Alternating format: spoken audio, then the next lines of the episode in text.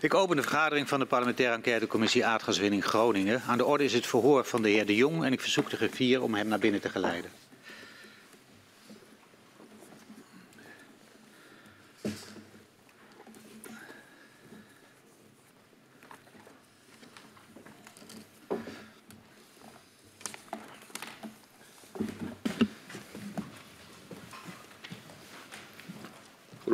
Goedemorgen. Meneer De Jong. Welkom bij de parlementaire enquêtecommissie aardgaswinning Groningen. 60 jaar aardgaswinning heeft Nederland veel gebracht, maar kent zeker voor gedupeerde schaduwkanten. De commissie onderzoekt hoe deze schaduwkanten hebben geleid tot het besluit om de aardgaswinning in Groningen te stoppen. We willen weten hoe de besluitvorming op cruciale momenten is verlopen. We onderzoeken de wijze waarop uh, private en publieke partijen hebben samengewerkt uh, bij de gaswinning. Ook uh, kijken we naar uh, hoe bevingen zijn ontstaan, de ontwikkeling van kennis daarover, uh, de afhandeling van schade veroorzaakt door de bevingen en het proces van het versterken van gebouwen in Groningen. U bent sinds augustus 2016 director, director upstream voor ESSO Nederland en tevens ExxonMobil Holding Company Holland. En in die hoedanigheid willen wij u horen als getuige. U heeft ervoor gekozen om de belofte af te leggen en daarmee de gehele waarheid en niets dan de waarheid te zullen zeggen. En om die reden verzoek ik u inderdaad om even te gaan staan en mij na te zeggen, dat beloof ik. Dat beloof ik. Dan staat u onder ede en mag u weer plaatsnemen. Het verhoor met u wordt uh, afgenomen door uh, collega Van der Graaf en mijzelf. En mogelijk dat mevrouw Kuik ook nog enkele vragen aan u zal stellen. Dan stel ik voor dat we beginnen. Meneer de Jong, u werkt sinds 1991 bij ExxonMobil. Uh, u bent sinds 2016 betrokken als directeur upstream voor Esso Nederland. U, vanuit die functie bent u lid van het college van gedelegeerde commissarissen van Gasterra, lid van het college van beheer van de maatschap Groningen en lid van de raad van commissarissen van de NAM. In dit verhoor willen we u bevragen over de belangen van ExxonMobil in het gasgebouw, de betrokkenheid van ExxonMobil bij de schadeafhandeling en de versterkingsopgave en de onderhandelingen over de afbouw van de gaswinning in Groningen. Mm -hmm. Omdat uw voorganger, de heer Van Roost, geen gehoor heeft gegeven aan onze oproep, hebben we ook over zijn periode nog een paar vragen voor u.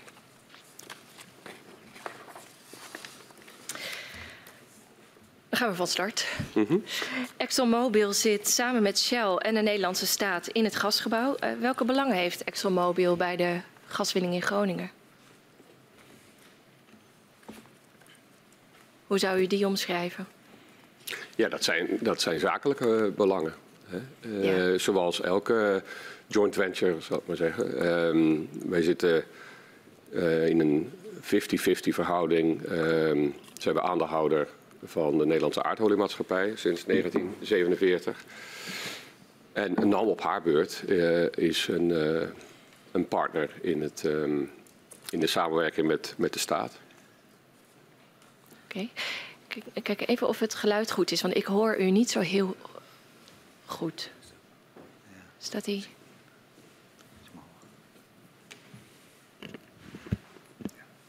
Okay. dat, dat, uh, dat helpt.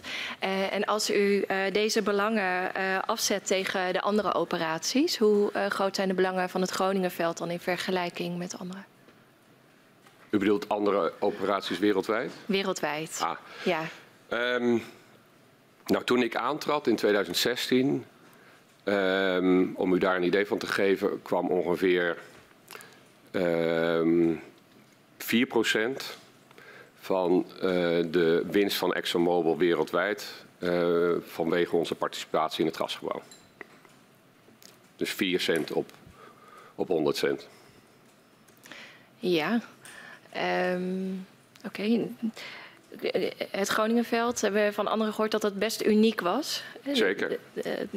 Was dat, zag Exxon dat ook zo? Dat, ja, dat, dat, dat zag Exxon ook zo, ja. ja. Zeker. Het is een... een uh, uniek in de wereld uh, ja. vanwege zijn specifieke kenmerken. Ja, ja. En uh, in orde van grootte, u zei net uh, 4%, is het een, het grootste veld wat Exxon, nou ja, waarbij Exxon betrokken is? Nee, dat, nee, er zijn andere velden die nog veel groter zijn. Uh, maar toen het ontdekt werd in 1959 was het wel, denk ik, een van de allergrootste uh, velden ter wereld überhaupt. Uh, die reserves, hè, zoals wij zeggen, die zijn ook keer op keer bijgesteld naar boven over de winbare reserves. Um, en dat was op dat moment een heel, ja, een enorm, van enorme proporties. Oké, okay, dus, dus, dus een belangrijke operatie voor Exxon? Sowieso, ja, zeker. Wie is er binnen ExxonMobil verantwoordelijk, eindverantwoordelijk voor de beslissingen in het gasgebouw? Dat ben ik. U bent dat. In hoeverre lopen de belangen van Exxon uh, samen met die van Shell? Ik denk dat ze eigenlijk. Uh, kijk, ik, ik, zei al eerder, wij noemen dat een joint venture. Hè? Dus wij, dat is ook heel, helemaal niet ongebruikelijk. soms met één andere partner, zoals in dit geval. Samen eh, hebben we dan ook nog een operating company opgericht, de Nederlandse aardoliemaatschappij. Um, en daarmee zijn he, word je geacht de belangen uh, samen te behartigen van die joint venture. Je spreekt dan ook altijd af wie uh, de operaties dan dag, dagelijks voert. Wel, wel, wie de processen bijvoorbeeld ehm, ja, welke processen er worden gevoerd. Zijn dat de processen van Shell of van Exxon in dit geval? Um, dus ik denk dat die, dat die in beginsel helemaal gelijk lopen. Dat is in ieder geval de bedoeling. Hè. Je, je, je doet het samen. Uh, en in, een 50-50 uh, verhouding is het al helemaal duidelijk dat je de belangen van de joint venture dient. Allebei. Ja, dus in beginsel gelijk oplopen. U, u zegt het al. waar zitten dan de verschillen?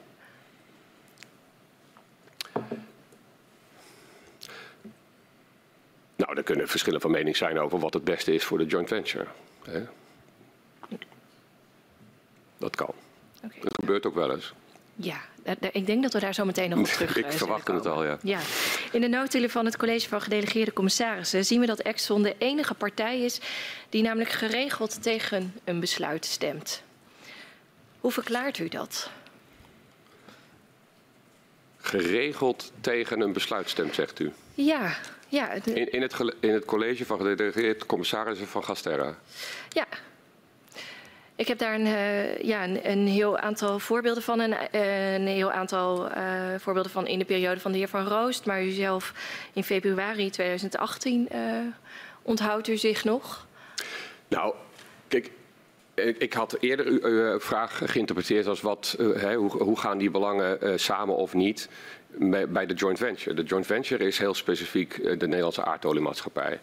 Als we nu een, overstapje maken naar Gasterra, dan kunnen er allerlei redenen zijn, omdat je daar, um, ja, daar zijn vier aandeelhouders. En als we het simplificeren, misschien ook voor de mensen thuis, dan is het eigenlijk de staat in één blok. En dan heb je een ExxonMobil en een Shell positie. En in Gasterra is er dus, dat is ook een, een, een, samenwerkingsverband. Maar daar kunnen om allerlei redenen andere visies zijn tussen de verschillende aandeelhouders. Want daar gaat het over de verkoop van gas? Klopt.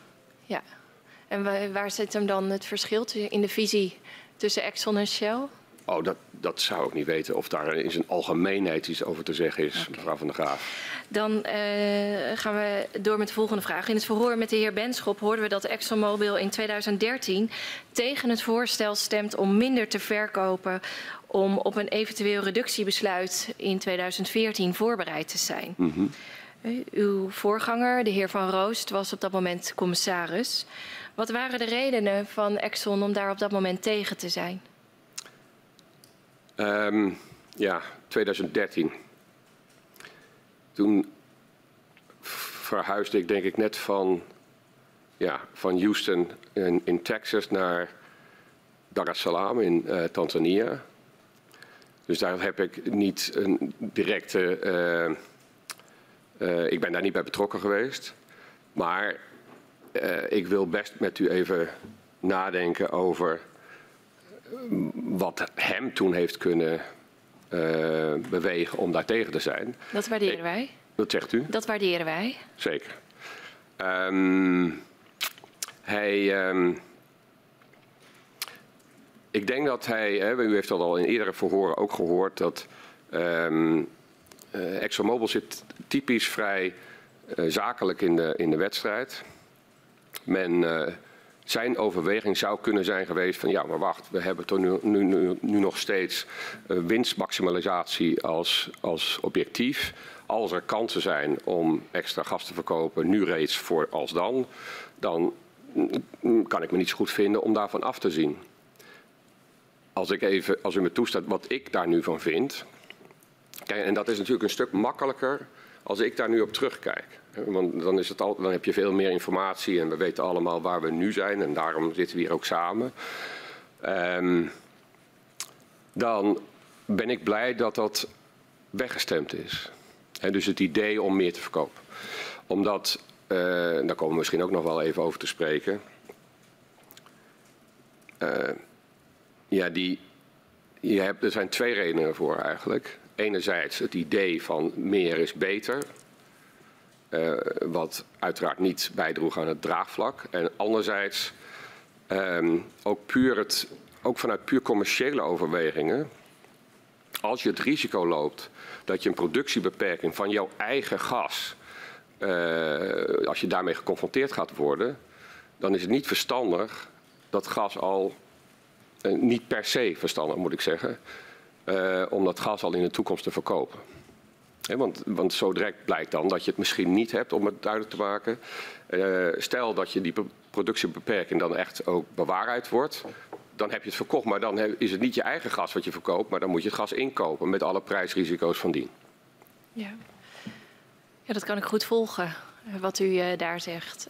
Um, en um, ja, dus u, dus u, geeft aan, de heer Van Roost heeft op dat moment uh, misschien gedacht dat het niet logisch is om, nou ja, als je nog wel meer gas zou kunnen winnen, dan is het niet logisch om erop voor uit te lopen dat je alvast akkoord gaat met minder. Maar in retro-perspectief, zegt u, achteraf gezien was het om de reden van, nou ja, meer is beter, dat draagt niet bij aan het draagvlak. had je een andere afweging kunnen maken. Um, en ook commerciële overwegingen voor de lange termijn.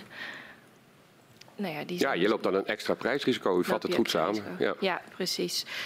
Um, dus u was blij dat uiteindelijk het besluit wel was uh, genomen ja, zoals dat genomen is. Dan denk ik dat dat, dat dat goed was, dat dat niet Helder. zo is gegaan. Eerder in dat jaar, in januari 2013, besluit de minister om na dringende advies van staatstoezicht niet in te grijpen in de productie.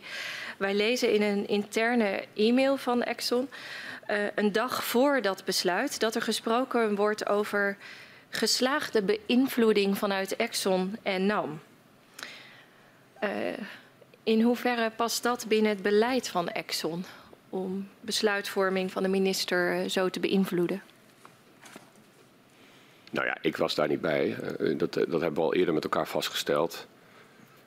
Um, je zit met elkaar in, in, zo'n, in het gasgebouw. En dus er vindt beïnvloeding over en weer plaats. Um, ik snap best, uh, als u zo'n e-mail heeft, dat u denkt, nou, daar gaan we toch wel mijn wenkbrauwen van omhoog. Uh, ja.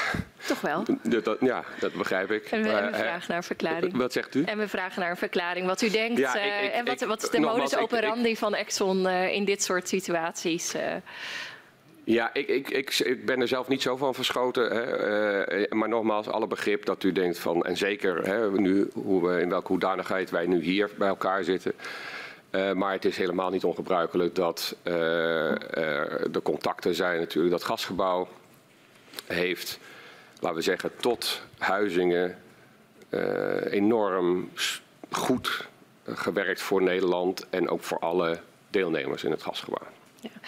Uh, helder, u was er niet zo van verschoten, want dit was vrij gebruikelijk. Moet ik dat dan zo afleiden dat Exxon in, probeert positie, uh, nou ja, haar positie goed naar voren te brengen voordat de minister een besluit neemt? Zeker. Dank dat is correct. Zoals we allemaal weten uh, brengt de gaswinning uit het Groningenveld op een gegeven moment schade toe. De risico's op aardbevingen vragen bovendien om preventieve versterking van woningen. Op het moment dat u aantreedt is de uitvoering van uh, de schadeafhandeling door NAM al overgedragen aan het Centrum Veilig Wonen. Mm -hmm. Welke afspraken bestonden er over de aansturing van het Centrum Veilig Wonen? Ja, het... dat, daar, daar, stond ik echt heel ver vanaf, uh, meneer Van der Lee. Het is... Uh, u, u, heeft helemaal gelijk uiteraard. Dus de, in 2016 toen ik aantrad waren daar, uh, was het Centrum Veilig Wonen al uh, in functie. En misschien nog even over ja, hoe werkt het dan in zo'n in zo'n joint venture. NAM is de operating company. NAM maakte die afspraken met het, uh, met het CVW. En het staat mij niet specifieke uh, guidance van de aandeelhouders uh, voor ogen. Dat, mm, zeker niet dat ik me dat herinner uit 2016. Hmm. er is ook een commissie van toezicht op het Centrum Veilig Wonen. En dat stelt op een gegeven moment in een rapportage over het jaar 2015 dat er een groot aantal partijen is dat invloed wil uitoefenen op het werk van Centrum Veilig Wonen. Onder andere de aandeelhouders van NAM. Uh, dit werkt volgens hen vertragend op de uitvoeringsdoelstellingen van Centrum Veilig Wonen. In hoeverre uh, ja, was ook Exxon betrokken bij het beïnvloeden van de werkzaamheden van het Centrum Veilig Wonen? Ik was daar niet bij betrokken. Nee. nee. Maar het feit dat de commissie van toezicht die conclusie trekt, mm. uh, doet ons wel uh, veronderstellen dat die activiteit ook vanuit de aandeelhouder Exxon wel plaatsvond. Dat begrijp ik, ja, dat u, dat u die conclusie trekt. Maar ik, er staat mij niets van bij dat dat, dat, dat, ja.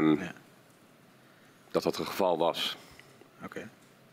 In dat jaar daarop, uh, waarin u ook inmiddels in functie bent, in 2016, over dat hele jaar, blijkt op een gegeven moment dat uh, ja, toch heel vaak uh, zogenaamde C-schades werden vastgesteld. Dus -hmm. een kwalificatie die erop duidt, een schade heeft geen relatie tot de gaswinning. En ook dat de bedragen die wel worden toegekend beduidend lager zijn dan in de jaren daarvoor. Hoe interpreteerde Exxon die ontwikkeling? Nou, de, de A, B en C schade toekenning, dat zegt me wel nog iets. Um, dat er een, um, een trend zou zijn van uh, minder schade, dat zou denk ik kwalificeren als potentieel goed nieuws. Um, en de uh, winning was ook ook toen al werd die jaar op jaar verminderd. Dus dat zou ook niet zo onlogisch zijn als dat werd vastgesteld. Dus voor u was dat uh, positief nieuws? Nou, dat in zijn algemeenheid. Uh, we komen daar vast nog wel over te spreken. Maar um, minder overlast voor de Groningers. Uh, minder schade. Een kleinere versterkingsopgave. Dat is zeker hoe maar dat was mijn, mijn uh, raamwerk in, in 2016. We zien ook dat een van de kernprestatieindicatoren die het CVW eh, hanteert, of diende te hanteren, was het beheersen van de kosten. Hoe moest het Centrum Veilig Wonen daar volgens u invulling aan geven? Ja, nogmaals, ik stond echt ver weg hoor, van, van die overeenkomst tussen uh, eh, CVW en ja. NAM. NAM rapporteerde denk ik daarover ja. um, in de, in de NAM-raad en in de maatschap. Ja. Maar daar was u wel aanwezig? Zeker, zeker, ja. zeker. En ik, ja, ik loop er ook niet voor weg als u, als u uh, uh, uh, zegt, ja, maar u, had daar wel invloed op. Ja. want ik heb hier, lees hier dit of dat. Ja. dat, dat ik wil dat ook helemaal niet uit de weg gaan. Ja. Maar u vond dat wel een belangrijk element, mag ik veronderstellen, de kostenbeheersing. Ja, ja, ongetwijfeld. Dat, ja. is, dat is al, kijk, in de... Um, in 2016, meneer Van der Lee, eh, was mijn, eigenlijk mijn uh, raamwerk van denken was van één, het moet veilig. Twee, hoe gaan we dat dan organiseren? Hoe worden mensen eh, hoe wordt de schade door mijnbouw, hoe wordt die vergoed? Is dat een efficiënt proces? Alle, hele, een heel rationele uh, benadering. Ja. Dat, was, dat is hoe ik ja. in 2016 ja. de zaak benaderde. En paste daarbij ook uh, het gegeven dat het Centrum Veilig Wonen uh, winst maakte op de uitvoering van ja, haar werkzaamheden? Ja, vind ik wel. Hè. Dat, is een, dat, is, dat was een commercieel consortium ja, je, je, gaat die mensen een incentive geven om, dat, om die taak op zich te nemen. En had u verwacht dat dat later tot commotie zou leiden toen dat bekend werd? Nee, dat had ik niet verwacht. Maar ja, ik, ik, ik zat er misschien op allerlei punten nog wel vrij uh, naïef in. Mm -hmm. Oké. Begin 2017 wordt in een gezamenlijk overleg tussen Exxon en Shell aangekaart dat het Centrum Veilig Wonen niet effectief genoeg werkt. Uh, hoe heeft Exxon geprobeerd daar verandering in aan te brengen? Ja, ik denk nogmaals niet dat ik daar rechtstreeks veel invloed op had. Hè? Hoe, hoe, hoe uh, de effectiviteit van, van CVW.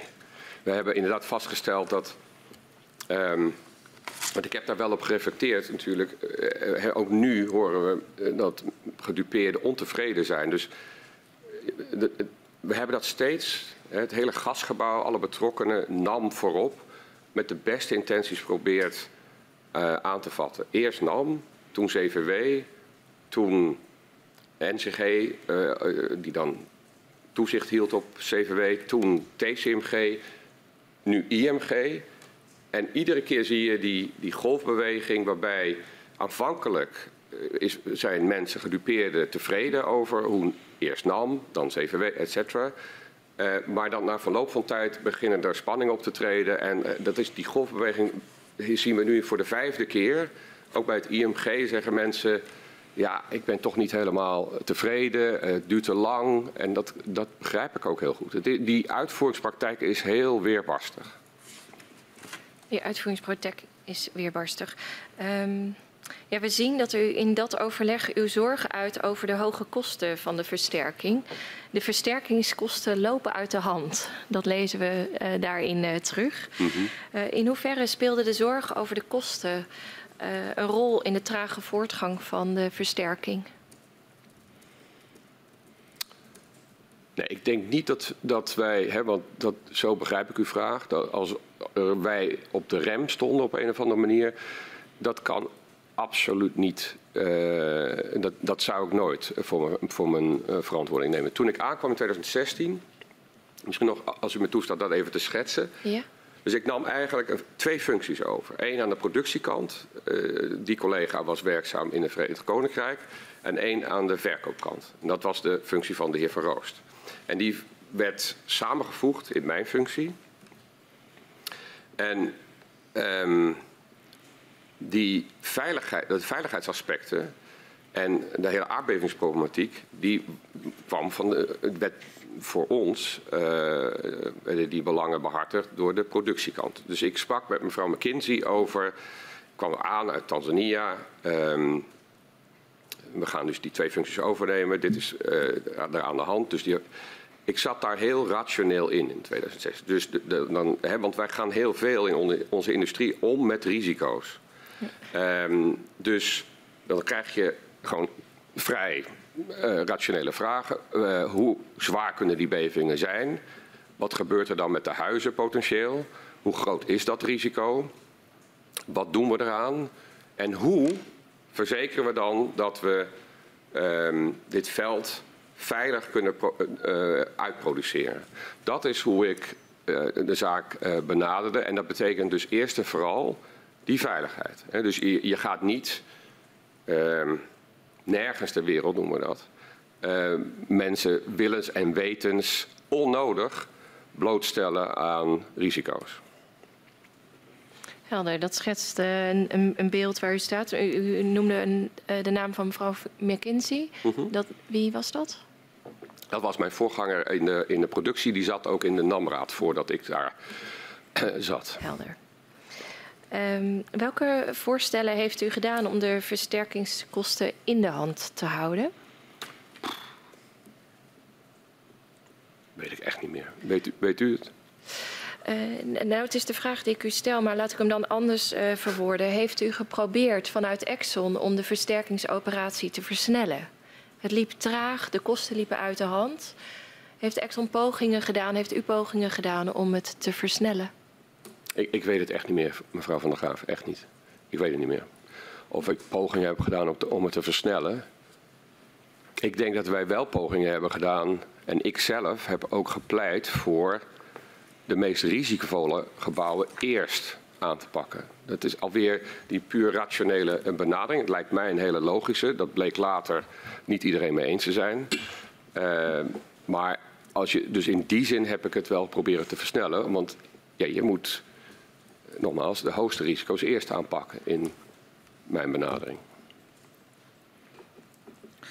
Op 18 november 2015 vernietigt de Raad van State de instemmingsbesluiten van de minister over het winningsplan van NAM. Uh, en de minister moet voortaan uitgaan van een gemiddeld jaar in plaats van een koud jaar. Uh, de gaswinning wordt voor het, jaar, het gasjaar 2015-2016 beperkt tot 27 miljard kubieke meter. Mm -hmm. In hoeverre veranderde dat wat aan de, de opstelling van Exxon in, in het hele dossier?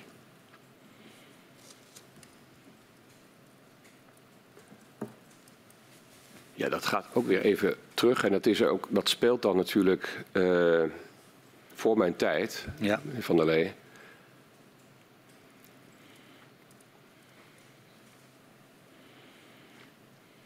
Ik denk dat wij,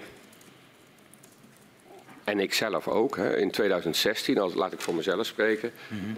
Ook in 2016, ik zeg het u nog een keer, was ik bezig met op, onder welke condities kunnen we dit nu voor de Groningers, voor de Nederlandse staat en voor de aandeelhouders van NAM zodanig organiseren dat dit veld volledig geproduceerd gaat worden. In 2016. Oké. Okay. Ik ga toch nog even een vraag stellen over uh, voordat u aantrad. Dat uh -huh. was mhm. in januari 2016. Dan sturen de, de, bedrijven samen, Shell en Exxon, een brief, eh, sorry, een brief aan minister Kamp. Ja. Waarin wordt aangegeven dat veiligheidsoverwegingen geen aanleiding geven tot een productieverlaging tot 27 miljard uh, kubieke meter. Dit raakt de kern van de samenwerking tussen de staat en de oliemaatschappijen, wordt opgemerkt. Shell en Exxon schrijven dat die samenwerking gebaseerd is, en ik citeer, op het economisch geoptimaliseerd winnen totdat het Groningenveld economisch uitgeput is. Ja. Dat is de positie die u net uh, vertolkt. Ja. Wat was nou de inzet van deze brief? Uh, ook nadat er al een uitspraak lag van de Raad van State. Nou, we hadden het eerder over He, maken die partijen in het gasgebouw hun positie kenbaar. En dat hebben ze kennelijk vrij duidelijk gedaan daar. Mm. En, uh, ik twijfel ook helemaal niet aan de oprechtheid uh, van die mening over um, um, de risicobeleving. Uh, mm -hmm. ik zei het zelf al, wordt het ook in 2016 was ik nog helemaal die mening toegedaan toen ik aantrad. Uh, hoe gaan we dit uh, met elkaar goed oplossen? En, uh, ik kan het ook wel noemen, we komen daar misschien nog wel over te spreken, maar een win-win-win. Dus ja, dat het voor de Groningers ook een win ja. zou worden. Ja, ja. mevrouw Van Loon verklaarde gisteren in haar verhoor, want zij was per 1 januari aangetreden en heeft -huh. die, die, brief mede ondertekend, dat zij met de kennis van nu deze brief, als het gaat om de toon en de inhoud, nooit geschreven zou hebben. Ja, dat snap ik ook. Ja, ja. dat snap ik ook. Ja. Zeker. Ja, en dat ben ik met haar eens. Ja, dat, die, dat, dat Zo'n brief zou ik nu ook niet geschreven hebben. Nee, nee. Is er in die periode um, overwogen uh, binnen Exxon om gewoon te stoppen met de samenwerking uh, binnen de maatschap vanwege de dreigende productieverlaging? Nee. Later wel? Ik denk dat het ooit wel eens een scenario is geweest. Um, Ja, op, kijk, daar komen we misschien ook nog wel op. Hè. Maar um, er is ook wel eens gekeken uh, in meer recenter jaren uh, of dat überhaupt een, een optie zou zijn. Hmm. En ik was daar niet voor overigens. Um, en ik heb daar ook tegen gepleit. Ja, oké. Okay. Um, in hoeverre was de uitspraak van de Raad van State, of eigenlijk meer de gevolgen daarvan in termen van het plafond uh, van 27 miljard kuub, uh, aanleiding voor Exxon om over een nieuwe afdrachtensystematiek te gaan onderhandelen met de staat? Um, ja, ik denk dat er, daar hebben andere getuigen ook over verklaard. Ja. Op het moment dat die, uh, de, de lasten en de lusten zo ongelijk verdeeld zijn. Uh, te, het wisten niet, ja, ik uh, kan even niet op het Nederlandse woord komen, maar niet op een, op een equitable basis. Um, dan uh, ligt het voor de hand dat je zegt op het moment dat je de revenuen naar beneden gaan. Zeker op het moment dat de revenuen Hmm. jaar op jaar naar beneden gaan. En, en naar verwachting nog wel, even eh, naar, verder naar beneden zullen gaan. En de kosten alleen maar omhoog. Dat je dan zorgt dat er een, een redelijke eh, balans is tussen wat eh, de staat betaalt en wat eh, de private partijen betalen.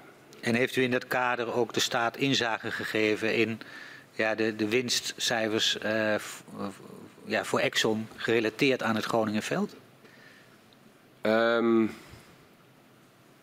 ja, ik denk dat zij middels de maatschap heel goed wisten wat, eh, wat de, eh, de winst van NAM Ja. en daarmee de twee aandeelhouders was uit het Groningenveld. Dus die informatie was gewoon voor de staat eh, beschikbaar omdat zij in de maatschap participeerden. Dat was, dat was voor alle partijen eh, transparant. Zeker. Wie wat eh, en overhield, maar ook wat de afspraken waren over de verdeling van de opbrengst en Klopt. de verdeling van de kosten. Zeker.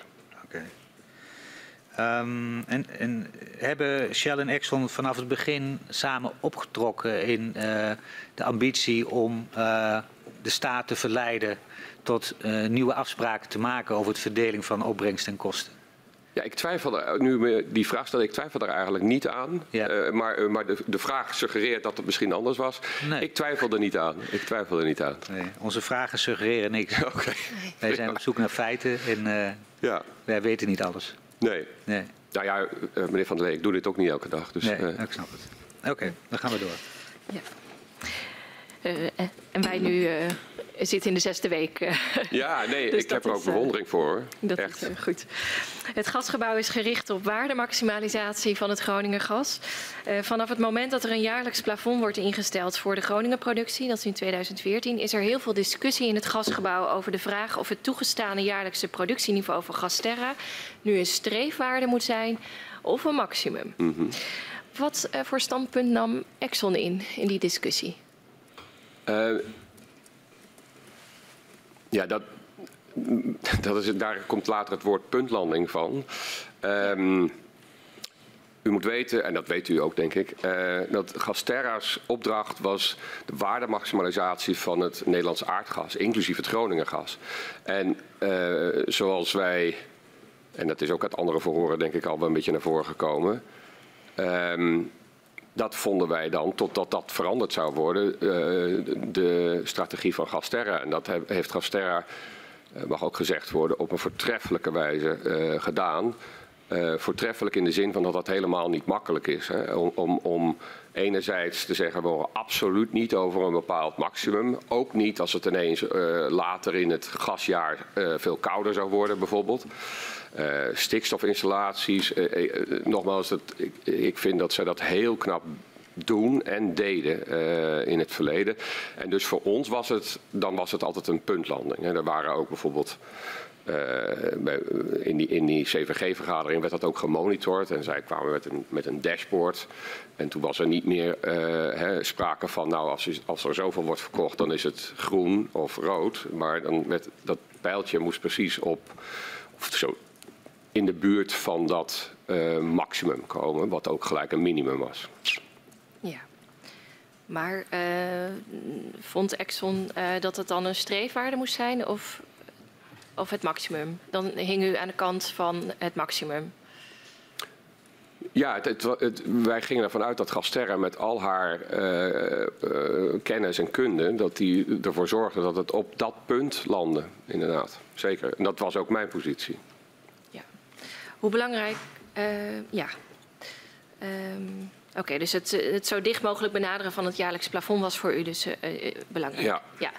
Ehm, dat is ook lange tijd eh, gekoppeld geweest aan een bonus voor het management van Gasterra, hebben wij gezien. Eh, dat benaderen van dat plafond. Wat vond Exxon ervan dat, er, dat meer gaswinning leidde tot hogere bonussen eh, bij de leiding van Gasterra? Ja, ehm, het was inderdaad zo dat een, een klein deel van het Gasterra, van de Gasterra-medewerkers, had dit als één van de onderdelen van hun variabele beloning, is denk ik het formele beschrijving. Maar ehm, nogmaals, ik snap best dat u het een bonus noemt. Ehm, We weten waar we het over hebben. ja, zeker. zeker Hier gaat het over. Zeker. Ja, nou, het, weet u, Ehm, dat zijn natuurlijk arbeidsvoorwaarden uh, die niet voor die iedereen hetzelfde gelden, sowieso. Uh, ik vond dat helemaal niet vreemd, dat dat, dat dat een onderdeel was van nog veel, minder, veel meer key performance indicators, KPI's, in, in die variabele beloning. Het was daar een onderdeel van, ehm, vond ik niet vreemd. In februari 2017 worden er Kamervragen gesteld over die variabele beloning bij uh, Gasterra. Ja. Vlak daarna wordt er een extra telefonische vergadering van het college van gedelegeerde commissarissen ingelast om te spreken over het schrappen van het eerste target. Het zo dicht mogelijk benaderen van het Groningen plafond. U schetste net, het is een van de key performance indicators, maar het was het eerste. Mm -hmm. um, Kunt u ons meenemen in die vergadering? Hoe verliep dat? Ik weet het niet meer zo uh, helder, maar, maar, ik kan me wel. Uh, februari 2017, zegt u. Ja, we, nou, eerder en, hebben we de indruk gekregen van getuigen, uh, de heer Van Hoogstraten die daarbij was, dat het best wel een moeizame vergadering was. Ja, en ik, ik kan me dat voorstellen, want in 2000, kijk, uh, in 2000. 16 trad ik aan. Februari 2017 zal ik zes maanden in functie zijn geweest. Ik denk niet dat ik het op dat moment een goed idee vond om te zeggen we gaan veel minder uh, proberen te verkopen. Dat was nog niet mijn, hoe ik, uh, mijn, mijn denkkader in, in februari 2017. Dat hij het als moeizaam was het zijn voorstel om, uh, om, om, om dat niet meer op te nemen. Nou, de vergadering uh, kwam op verzoek van uit het ministerie van Economische Zaken mm -hmm. uh, tot stand. Want in de Kamer was er aandacht geweest over de variabele beloning. Dus het, het, gaat niet zozeer over het minder verkopen van gas, maar meer om de prikkel die daar, eh, de target die er opgezet was om uh, nou ja, dat, dat plafond zo dicht mogelijk te benaderen. En dat dat gekoppeld was aan die hogere bonus. Ja. Uh, nou, dat ik... issue, dat wordt daar besproken en daar moet een aparte vergadering voor komen. Ja. Hier gaat het over. Duidelijk, dank u. Um, ja, ik denk dat. Um, ik denk dat het functioneren van die betreffende medewerkers niet, uh, heeft, niet uh, viel of stond met of daar nu wel of niet uh, een stukje van hun variabele beloning gekoppeld was aan die puntlanding. Uh, het zijn het is een heel professioneel team dat, uh, met ook een hele professionele leiding. Uh, als zij het idee kregen van de aandeelhouders dat de puntlanding de bedoeling was, dan zouden ze dat ook zonder die variabele of bonus KPI gedaan hebben. Dus ik denk niet, ik, achteraf terug, terugkijken denk ik, het zou verstandig zijn geweest om dat, om dat eruit te halen.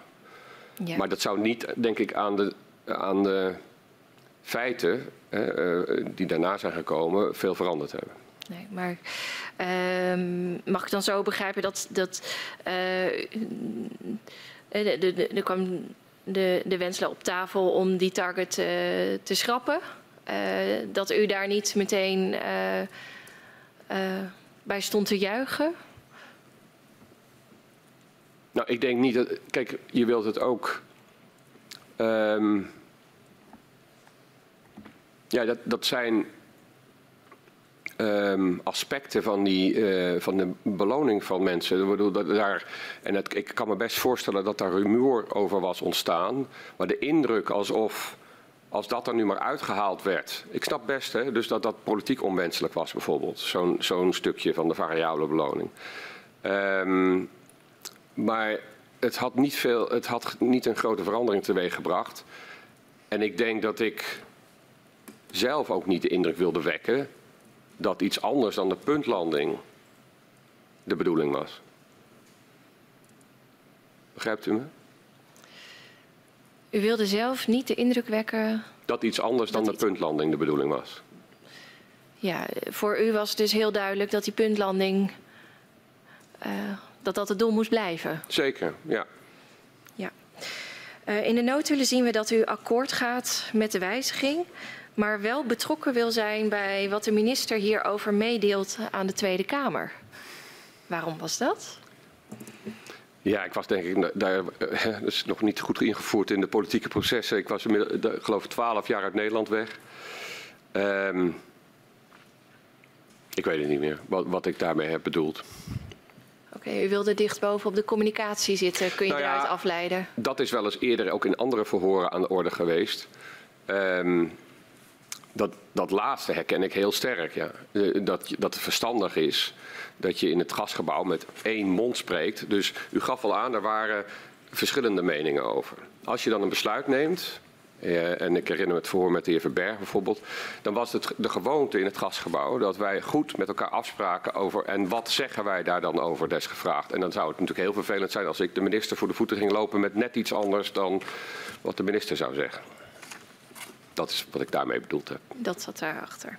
Oké, is het gebruikelijk dat Exxon dan mee wil praten over de communicatie eh, van de minister richting de Tweede Kamer?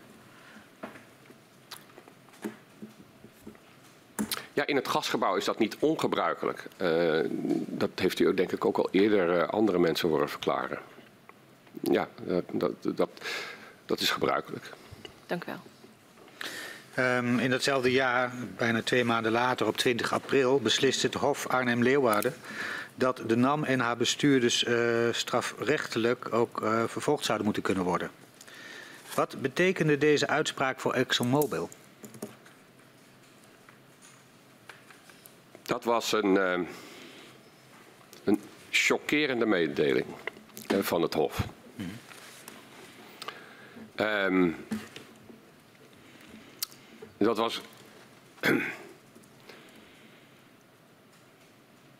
Kijk, ik heb het net gehad over de mensen in Gasterra. Mensen in NAM, en dat heeft u ook eh, middels de enquête, denk ik, is dat heel duidelijk geworden. Daar, daar werkten mensen met de beste bedoelingen en de beste intenties eh, aan de hele problematiek. En met die uitspraak, ja, dan konden we echt, zo konden we echt niet verder. Eh, ehm, het was een beetje. ehm, het was mede aanleiding voor mij om te zeggen dat, eh, tegen mijn hoogste baas. Wij moeten, wij moeten praten met de regering. Eh, want dit, dit, dit- zo kan het niet verder. En dat was de heer Darren Woods. Klopt. Ja. En zo kunnen we niet verder. En, en hoe dan wel? Nou, dat, dat was nou juist het, het, eh, het hele punt. Misschien mag ik u dat schetsen, meneer Van der Lee. De, als je, ehm, waar ook ter wereld, hè, als je deze problematiek zou, hiermee geconfronteerd zou worden, hè, dus met die seismiciteit die schade toebrengt, ehm, dan zou normaal gesproken zouden wij dan eh, zeggen, oké, onderzoek, dat is ook hier allemaal gebeurd. Maar je zou ook zeggen, dan leggen wij die productie even stil. Dan gaan we die onderzoeken doen. En als we weten hoe het dan veilig kan, gaan we verder. En dat was hier nou juist altijd het grote dilemma. Wij, wij, wij konden, wij willen altijd natuurlijk schade voorkomen of mitigeren, beperken. Ehm, dat is een, een voorwaarde om überhaupt te opereren. Va- veiligheid staat heel hoog in het vaandel van al die olie- en gasbedrijven. We gaan veel om met risico's. Als, als NAM, de leiding van NAM, ook aansprakelijk kan worden gesteld en zelfs strafrechtelijk aansprakelijk voor het simpel feit dat zij Nederland niet in de kou laten zitten, ja, dan, kan, dan kan het zo niet verder. En dan moet je nadere afspraken maken met de regering. En, daar, en naar aanleiding daarvan is er ook een, een gesprek gekomen eh, in juli van 2017 tussen de meneer Woods, meneer Van Beurden en eh, president- minister-president Rutte. En wat was de inzet bij dat gesprek?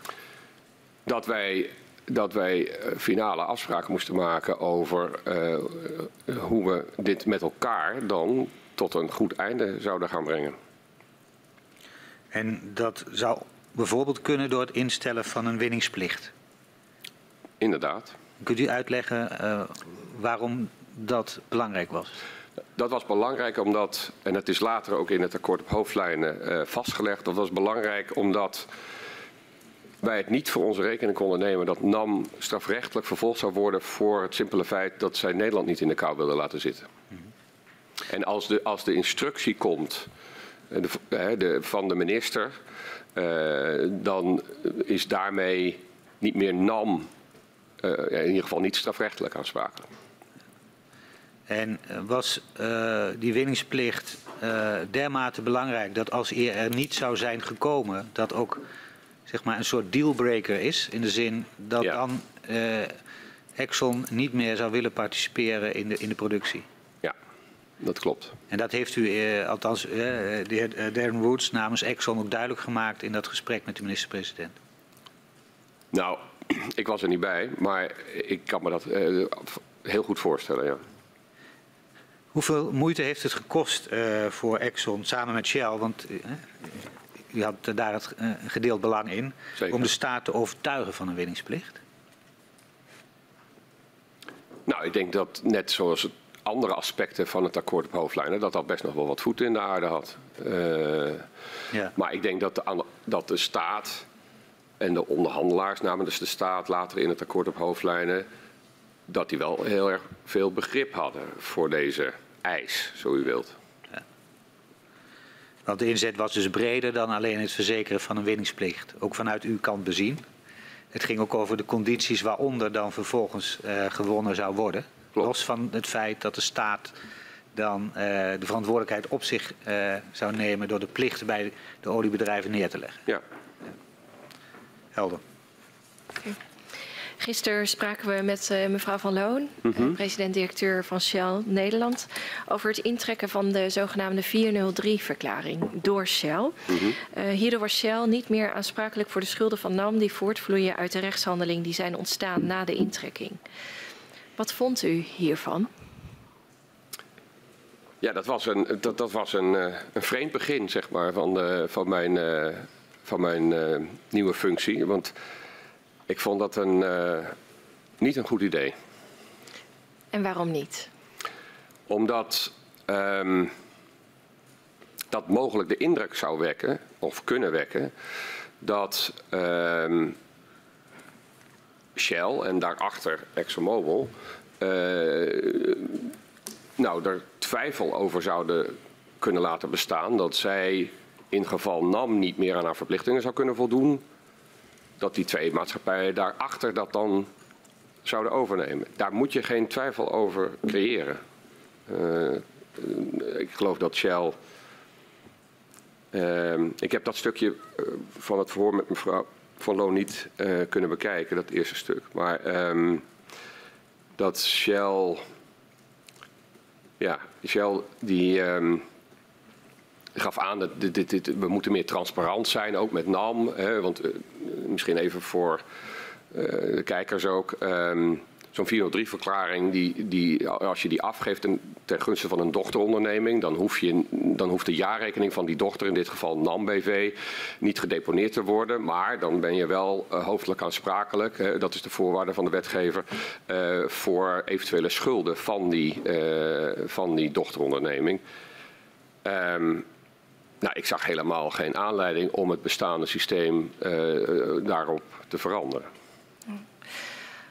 Um, want de, de 403-verklaring was afgegeven door Shell um, en uh, middels een brief uh, ver, verbond ExxonMobil zich hier aan hè, op het moment dat hij gedeponeerd werd. Welke implicaties heeft het intrekken van die 403-verklaring door Shell voor Exxon? Um, nou, het wordt misschien een klein beetje technisch, maar wij, uh, wij hadden een. Um, een uh, dus, de Shell gaf zo'n verklaring van wij zijn uh, goed voor welk schuldeiser dan ook. Als NAM niet kan betalen, kan je bij Shell komen. Voor, een, voor 100 procent. En omdat we 50-50 aandeelhouder zijn in die joint venture, hadden wij een zogenaamde cross indemnity, eh, een vrijwaring, verklaring tot 50% van eventuele aanspraken. Uh, en die zou daarmee ook komen te vervallen. want dat was dan niet meer nodig als Shell niet meer garant stond voor NAM. Ja. Wanneer heeft Shell het voornemen uh, van de intrekking aan u gecommuniceerd? Ik dacht dat het al vrij.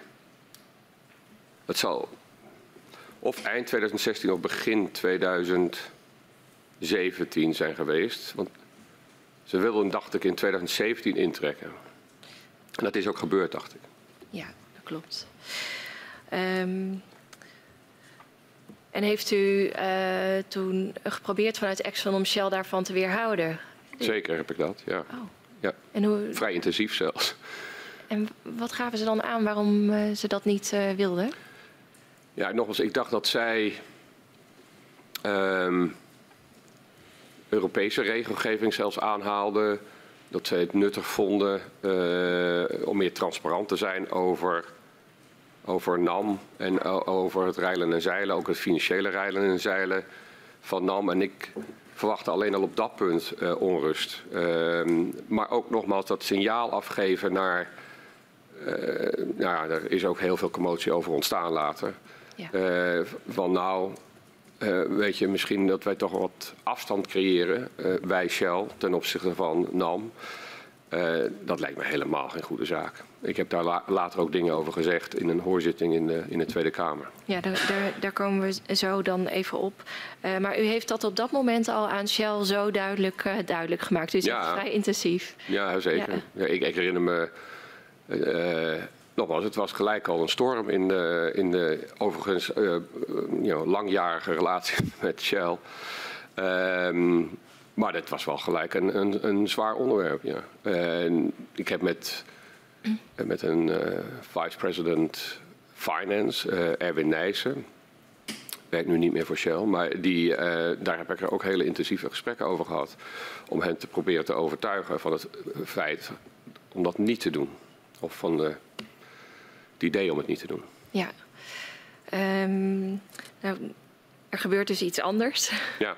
ze, ze zetten door. Mm -hmm. welke nadere afspraken heeft u daarna met Shell gemaakt? U, u ziet duidelijk dat risico uh, ja, ik, van de uh, afstand. U bedoelt u of uh, van. heb ik meer op dit punt specifieke afspraken gemaakt met hen? Ja. Um, nou, wat ik u net al schetste, ik denk dat uiteindelijk ook dus die, die vrijwarings, gedeeltelijke vrijwaringsverklaring is ingetrokken toen, toen zij doorzetten. Dat, dat, is niet een nadere afspraak, maar die, die afspraak die we hadden is, werd ingetrokken.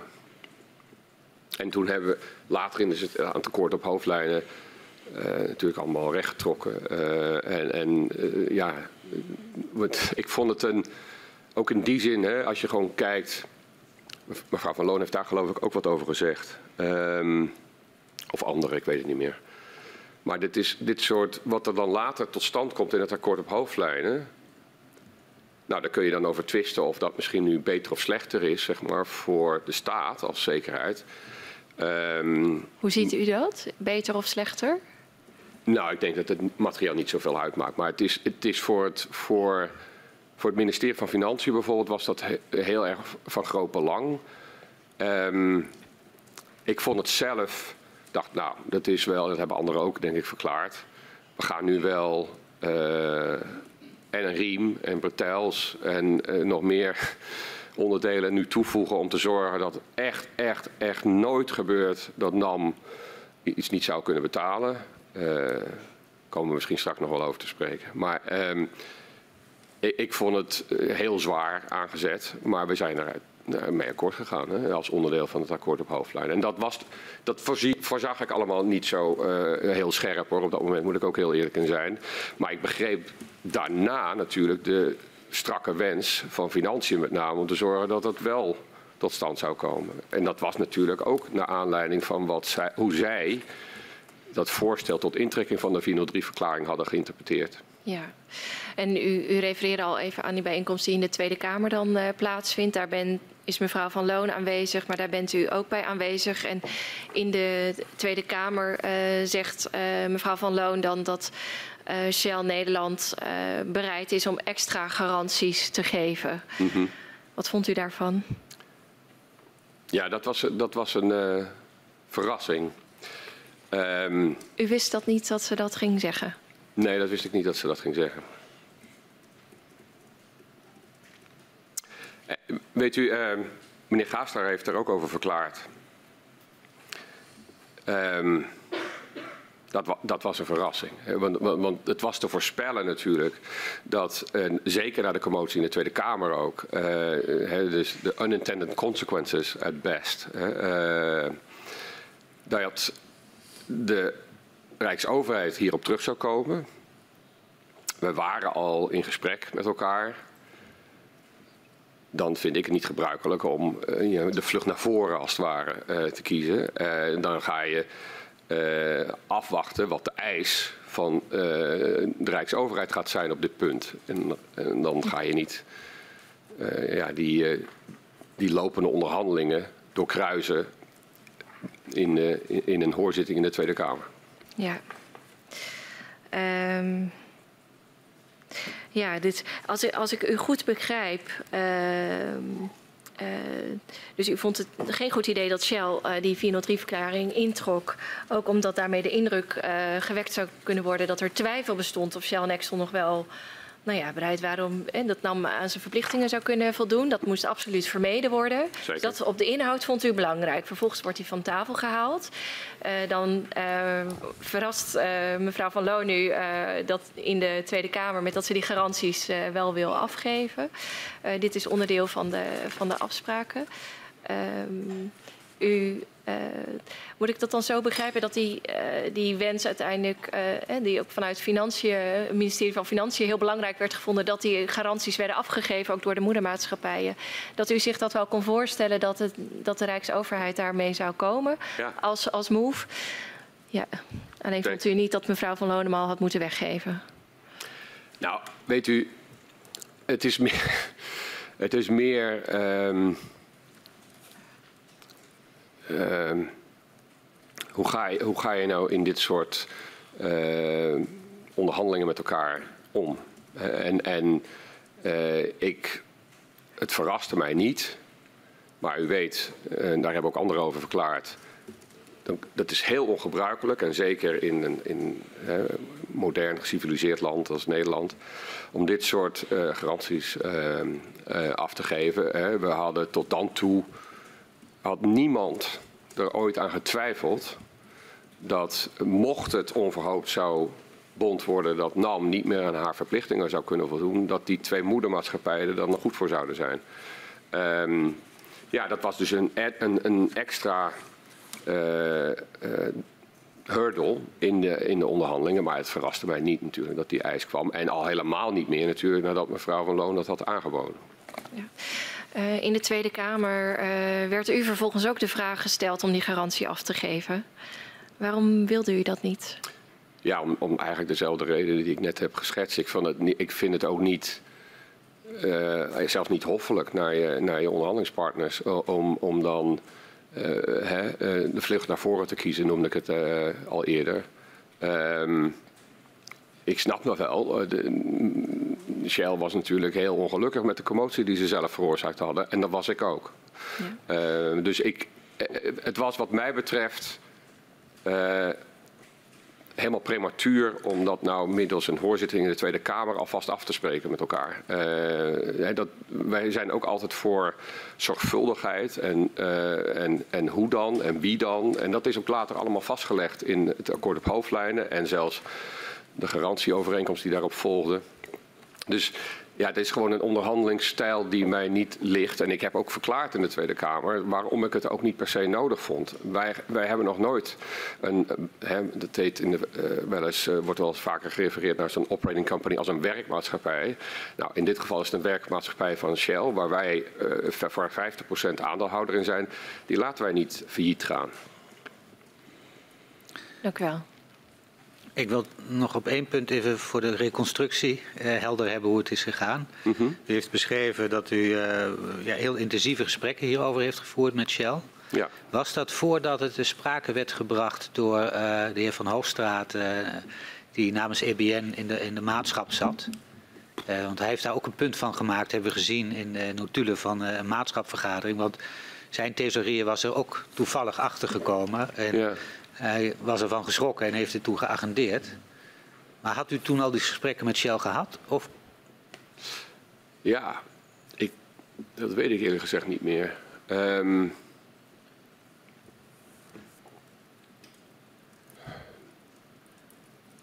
kunt u zich wel herinneren dat er in de maatschap over gesproken is? Ja, dat kan ik me wel herinneren. Ik, ik ehm, hou me te goede hoor, want u, u heeft misschien stukken waar dat, dat iets anders blijkt. Maar ik vermoed dat ik daar met Shell al over gesproken had toen. Ja. Ja, En u begreep ook wel waar de- waarom de heer Van Hoogstraten eh, hier een punt van maakte in de Ja. maatschap. En u heeft hem toen ook gesteund daarin. ja, Ja. ja. En toch mocht dat niet baten, want Shell heeft eh, doorgezet. ja. En u zei ook, het, ik vond het niet hoffelijk naar eh, andere partners in de onderhandelingen. ja. Maar eh, heeft het niet ook eh, ja, uw onderhandelingspositie enigszins aangetast? ja zeker meneer Van der Lee, tuurlijk. Ja. Omdat u ja, een punt wat eh, de staat graag veilig wilde stellen, werd onbedoeld al weggegeven in een publieke hoorzitting. ja, correct. Ja. Dus op Ik weet niet of het onbe- onbedoeld was of, of, of eh, ja, heel bewust, maar dat is niet hoe wij normaal gesproken in onderhandelingen Nee. zitten. Ja, helder. Eh, de onderhandelingen over het akkoord op hoofdlijnen om het afstand plaatsen van NAM bij schade en versterken lopen in 2017 tegelijkertijd met de demissionaire periode van het kabinet Rutte 2 en de onderhandelingen over een nieuw kabinet, de formatie toen. Eh, in hoeverre kon u eigenlijk verder onderhandelen eh, met de staat in die periode dat het kabinet demissionair was? Nou, eh, ehm, uit mijn herinnering eigenlijk niet. Er is, er is dus die, is dat gesprek geweest met, eh, ik denk op dat moment, eh, ja, nou, ik denk, ik weet, met op dat moment demissionaire premier Rutte in, in juli 2017. Daar worden afspraken gemaakt, eh, of in ieder geval doelstellingen gezet van onze onderhandelingsteams. Die moeten nou als de wiede weer gaan. Als ik me goed herinner, denk ik dat ze hebben gezegd, nou, uiterlijk voor de kerst van, van 2017 moeten tot een landing komen. In oktober is er dan denk ik het coalitieakkoord van 2017. Ja, En dan is er ook, denk ik, nog eens een telefoontje met de dan kerstverse eh, minister Wiebes. Ehm, om die ook aan te sporen dat, het nu Ja. wel echt, eh, dat er nu wel gang wordt gemaakt. Dus er gebeurt eigenlijk, Ja. denk ik, heel weinig of niks in, Ja. tussen juli en oktober van 2017. Maar nog voor juli, eh, want we zien dat u dat gesprek, en u noemde het al eerder, hè, het gesprek dat de heer Woods eh, had met eh, de heer Van Beurden, ook bij de premier. Mhm. Dat was volgens mij, ik geloof begin juni? Of, of Juli, denk mei? ik. Juli, begin juli, juli. Wij zien in onze stukken dat u ook dat gesprek heeft voorbereid. Mhm. Ehm, eh, en dat, dat, u gaf al aan dat had mede te maken met die winningsplicht, die zorgen over de Ja. strafrechtelijke vervolging. Maar is er in dat gesprek ook al eh, met eh, de premier gesproken over ja, de onderhandelingen, de inzet van de olies in de hoop ook die vlot te trekken? Ehm,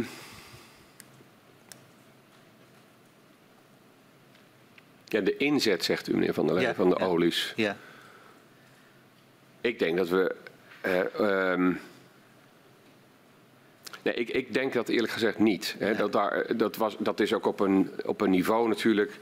eh, waarbij er niet op die details wordt gesproken, maar echt op heel hoog niveau over.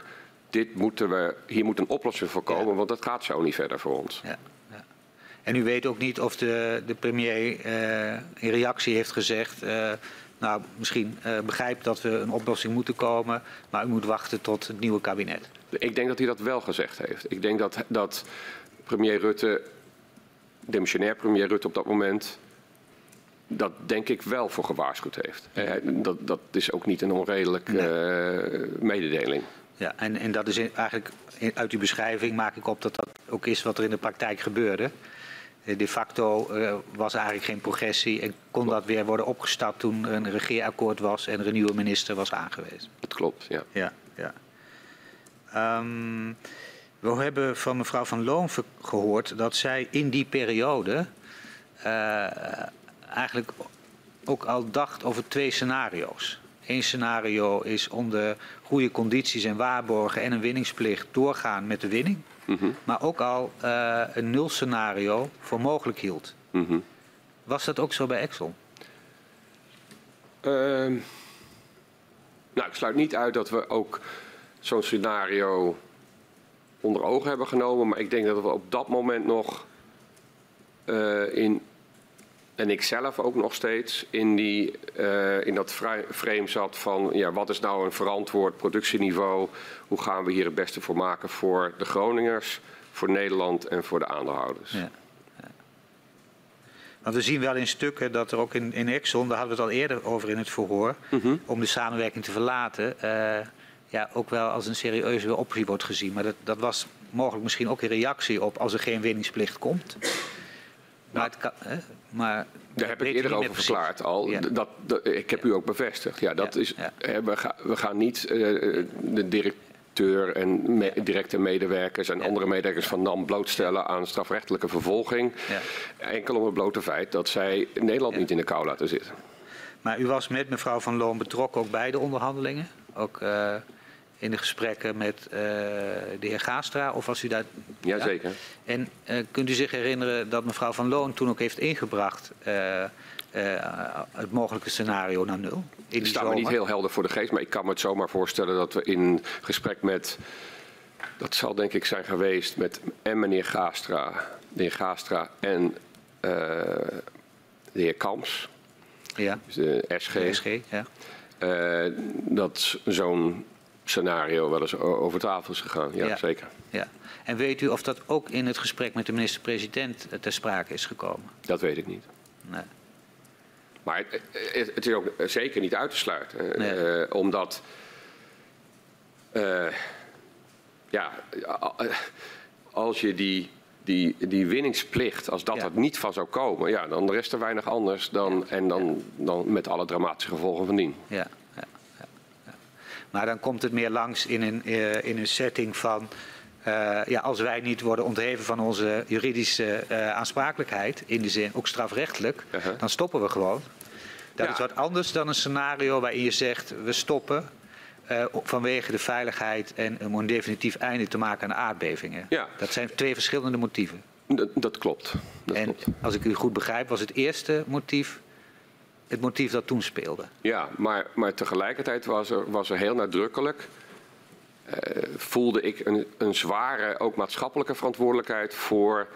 Ja, maar dat kan maar zomaar niet. Hier moet een oplossing voor komen. Dit is een. Mm -hmm. dit is, daar kan niks anders uh, gebeuren. Hier moet echt een oplossing voor komen. En die is er ook gekomen. Ja. En wat werd er dan in die eerste vergadering op 11 oktober, dus een dag na het coalitieakkoord met de nieuwe minister van Economische Zaken, de heer Wiebes, wat werd daar dan gepresenteerd? Dat was, geen, dat was een telefonische vergadering, denk okay. ik. Uh, en ik, het was denk ik enkel een aanmoediging om nu echt uh, meters te maken met uh, al die zaken die we graag met elkaar wilden oplossen. Oké. Okay. Goed. Gaan we verder.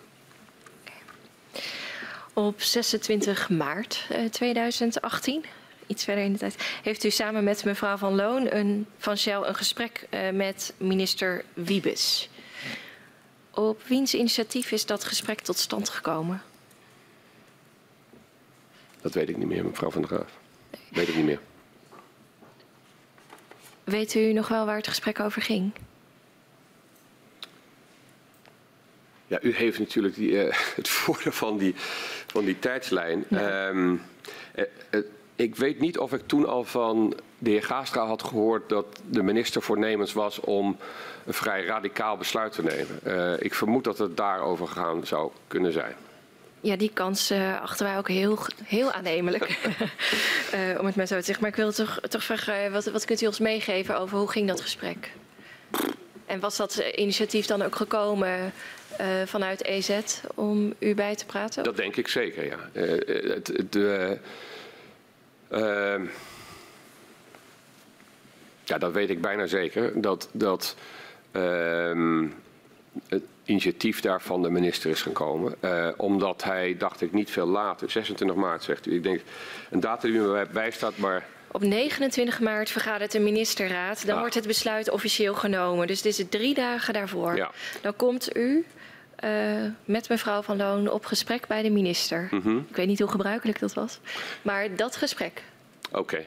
Ja, dat was niet ongebruikelijk. Hè? Al helemaal niet als je in zulke uh, belangrijke onderhandelingen met elkaar uh, verweven bent. Ehm, U kwam wel vaker in deze Ja. setting samen. ja, we kwamen wel eens vaker bij elkaar. Ja. Maar dat is ook niet zo dat we de deur bij elkaar plat liepen. Maar eh, ehm, ik denk, de heer Wiebes kennende, dat hij het correct vond om zijn partners in het gasgebouw te vertellen wat hij vanuit zijn publieke verantwoordelijkheid eh, van plan was te gaan voordragen aan de ministerraad.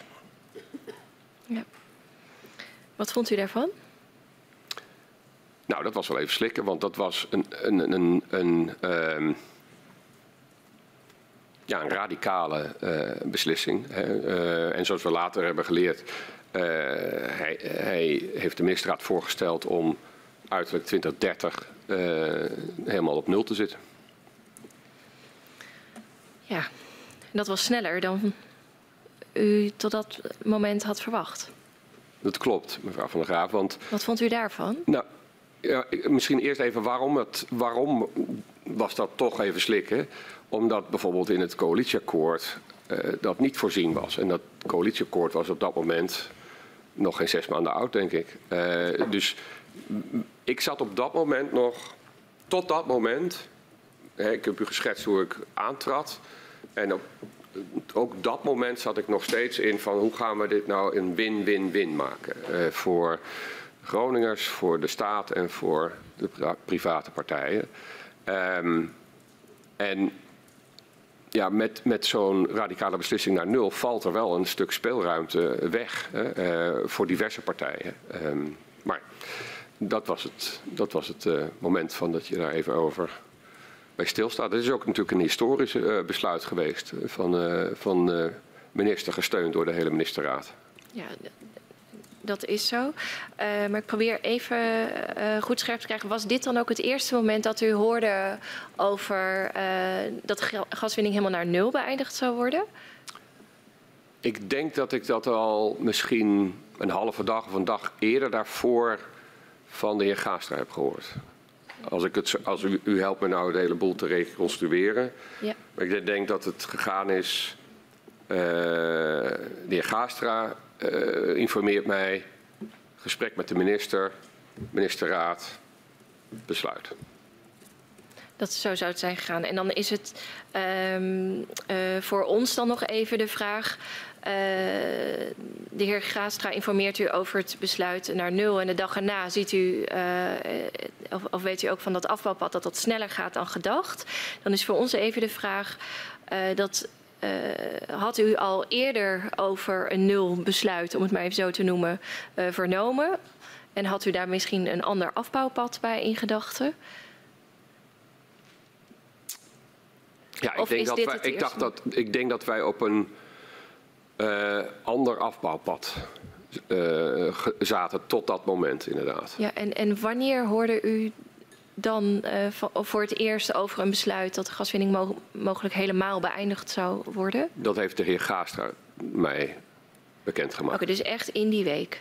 Ja, Dat wordt u oh, goed. En dat is dan ook het voornemen dat de minister met u heeft eh, besproken Ja. eh, op die datum. Even kijken. Eh, wij lezen dat de heer Gaastra op 28 maart een e-mail schrijft aan minister Wiebes. Ehm, en hij eh, schrijft daarin ook eh, dat dat voor de oliemaatschappijen even slikken was. En met name voor Exxon lag volgens de heer Gaastra de claim op gas onder de grond weer op tafel. Waarom vond u die claim toen gerechtvaardigd?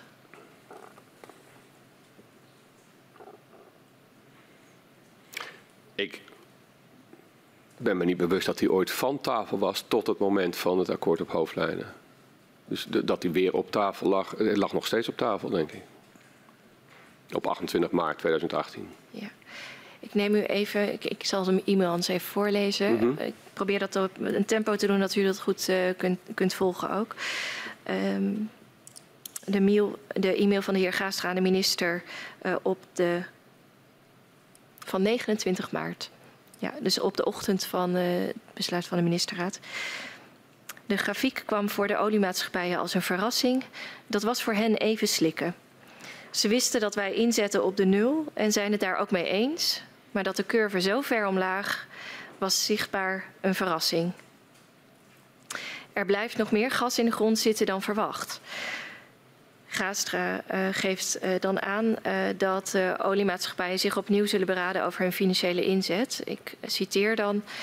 Exxon gaf aan dat de claim vanwege gas onder de grond weer op tafel ligt. Shell haastte zich daarna te zeggen dat zo'n claim afhangt van het totale financiële plaatje. Ja.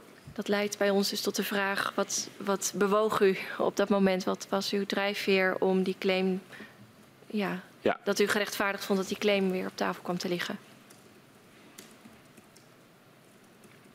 Nou, nogmaals, ik herhaal even dat ik tot het moment dat we daar andere uh, en definitieve afspraken over maakten, was die. er is nooit een overeenkomst totdat alles is overeengekomen. Dat is ook een goed beginsel van brede onderhandelingen, zoals in dit geval. En um, um, ja, op het moment dat er op de gesprekken plaatsvinden op basis van een ander afbouwpad, dan en één partij zegt unilateraal, ja, dat gaan we zo niet doen, we gaan het heel anders doen nog. Ja, dan, dan lijkt het mij verstandig, ook onderhandelingstechnisch, dat je zegt, ja, nou, dan zijn voor ons ook weer allerlei andere uh, eisen uh, voor de over de, de, de, totale balans van het pakket van afspraken wat we met elkaar gaan maken, uh, zijn dan weer ter discussie. Dat is, vind ik ook helemaal niet zo, niet zo vreemd, als ik daarop terugkijk. Oké. Okay. Um, zaten Exxon en Shell hierover op dezelfde lijn? Nou, als ik, wat ik mag opmaken uit uw uh, citaat van de heer Gaastra aan de minister. Um, denk ik dat we wel redelijk op één lijn zaten. Dat, is, dat zijn eigenlijk meer onderhandelingstactieken. Hè? Dus uh, u citeert de heer Gaastra als over Shell zeggende dat uh, hangt natuurlijk af van het gehele pakket van afspraken. En daar ben ik het ook helemaal mee eens. Had u dit, dit beeld wat hieruit naar voren komt, had u dit dan van tevoren met mevrouw Van Loon afgestemd dat dit gesprek zo zou gaan? Nee. U was voorbereid door de heer Gaastra. Uh, een dag ervoor, dus u, u had er al even over na kunnen denken. Ja, nee, dat, ik, ik herinner me niet dat we, dat, dat we dit soort uh, good cop, bad, bad cop uh, afspraken hebben gemaakt. Oké, okay, good cop, bad cop. ja. En wie bent u dan? Ja, dan ben ik de bad cop natuurlijk, hè, in okay. dit geval. Op 29 maart besluit het kabinet, nog voordat uh, het akkoord op hoofdlijnen helemaal is uitonderhandeld, dat de gaswinning voor 2030 wordt beëindigd. Uh, was voor u uit de Kamerbrief duidelijk dat de versterkingsoperatie ook tijdelijk zou worden gepauzeerd? Um, of dat uit de Kamerbrief duidelijk was. Nou, misschien de het is mij wel ter oren gekomen, mevrouw Van Raaf. Uh, dus dat minister Wiebes da ook dat besloot. En dat vond ik zelf niet vreemd. Omdat het hele idee ook uh, in het uiteindelijk akkoord op hoofdlijnen was. Ik heb dat ook eerder verklaard. Dan waren wij het ook, een onderdeel van het denken van het kabinet, gesteund door het hele kabinet, was ja, wij moeten mensen niet onnodig last, lastigvallen met een versterkingsoperatie. Dat is enorm ingrijpend voor, uh, voor mensen. Uh, u heeft uh, bezoeken ook gebracht, dus u heeft dat ook zelf kunnen aanschouwen. Soms moeten mensen zelfs helemaal tijdelijk uit hun huis om zo'n huis te versterken. Dus de inzet van de heer Wiebes, die steunden wij. En dat hij besloot van, ja, wij gaan nu een reset doen van wat het versterkingsprogramma dan behelst, dat begreep ik ook. Ja, en wanneer, wanneer had u dat gehoord van meneer Wiebes dat hij dit wilde doen? Was dat, kwam dat ook al in dat gesprek met de minister op de 26e aan de orde? Dat sluit ik niet uit. Maar ik weet dat niet meer, of dan kan ik niet met de hand op mijn hart zeggen, ja, dat was zeker een onderdeel ervan, maar het is in de. Ik kan u wel helpen, uh, want het is in de hele aanloop naar het dan later definitief geworden akkoord op hoofdlijnen, was dat een terugkerend thema. Dus dat er, dat er dan ook het ook mogelijk zou maken, deze versnelde insluiting, uh, om die versterkingsoperatie uh, te beperken tot het strikt noodzakelijke. Um, was dit afgestemd met u?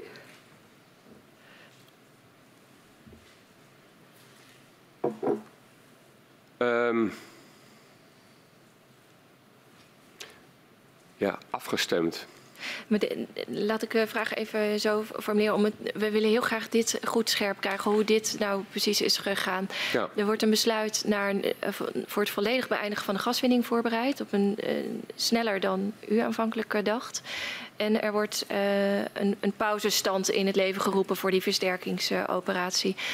Horen die twee dingen bij elkaar vanuit u gezien? Ik denk dat als u, als u concreet vraagt, is die, dat op de pauzeknop drukken met ons afgestemd? Ik denk dat we daar wel over geïnformeerd zijn, maar dat was niet onze beslissing. Eh, dat was aan de minister om dat te beslissen. Uh, en um, dat heeft hij ook gedaan, uh, met steun van het kabinet. Was het wel een wens vanuit Shell en Exxon dat dat zou gebeuren? Nou, ik kan me wel voorstellen dat wij vraagtekens zetten bij de gebiedsgerichte aanpak van de NCG, eh, ook al op dat moment. Hè. Dus het was, uh, want wat is het probleem daarmee? Dat je niet de meest risicovolle objecten eerst aanpakt. Um, dus ik kan me wel voorstellen dat wij ons wel konden vinden in die reset. En dat daar ook dus dat daar een, een, een enige tijd voor werd genomen om dat dan nader uit te werken. Daar kunnen we ons waarschijnlijk ook alles bij voorstellen. Ik in ieder geval kan het nu nog steeds uh, wel goed voorstellen. Heeft u dat actief bepleit bij de minister? Nee, nee ik heb niet op, op een eh, bepleit voor, voor uh, ik heb bepleit dat we de meest risicovolle objecten eerst zouden moeten willen, willen aanpakken ook. Dat, dat, ja, we komen daar, uh, hè, we waren daar al eerder op. Als er een dreigingsrisico is, dan moet je die meest risicovolle objecten eerst aanpakken. En wist u wel dat in die periode voorafgaand aan het nulbesluit, met consequenties zoals later uh, publiek werd voor de versterkingsoperatie, de NAM al uh, wat langer ervoor ijverde om de, de batch 2 uh, en 3, zeggen zo noem maar even, om die niet uit te voeren, omdat men het gevoel had ja, dat het te veel gebiedsgericht was. Dat wist u. Ja, ik denk dat dit dat wel, wel wist, ja. ja. En, en daar was ik het ook mee eens. Ja. En dat heeft u in die zin ondersteund door uh, uh, in uw gesprekken met het ministerie erop te wijzen uh, dat de meest onveilige woningen, wat u betreft, prioriteit moesten hebben. Zeker. Ja. ja. Okay. Het besluit om de versterking te pauzeren werd een aantal weken na het nulbesluit publiek. Um, in hoeverre was het eigenlijk in die periode voor Exxon inzichtelijk wat de exacte kosten waren van de versterkingsopgave? Bij verschillende productieniveaus. Nou, daar waren. Uh, daar maakten wij inschattingen van. Daar maakte de staat inschattingen van. Um, en dat was, dat was niet daar, daar, zaten enorme marges omheen. Uh, omdat je dat op dat moment is dat lastig te voorspellen. Uh, en dat is ehm, afhankelijk onder andere van, het, van de dreigings- en risicoanalyse. En die dreiging die gaat naar beneden met de dalende productie. Dus ja, je ja. maakt daar dan. Ja. wij hebben daar in, onze inschattingen van gemaakt. Daar heeft de staat heeft haar inschattingen over gemaakt. En Shell ongetwijfeld ook. En uh, op dat moment in, in de onderhandelingen die u uh, voerde, in hoeverre werd dat, was dat al gekwantificeerd en speelde dat al een, een rol, ook in bedragen in, in die fase? Dus...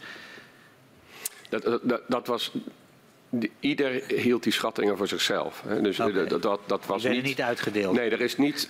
Dat akkoord op hoofdlijnen is niet een zeg maar een kostenprofieltje overeengekomen. Er zijn indicaties over welke badges wellicht aan de orde nog zouden kunnen komen. En daar heeft u ongetwijfeld ook kennis van genomen. Mm -hmm. Maar um, er, er, waren, er is niet een, een kostenprofiel overeengekomen tussen de drie partijen. En, maar u gaf aan, Exxon rekende zelf ook? Ja.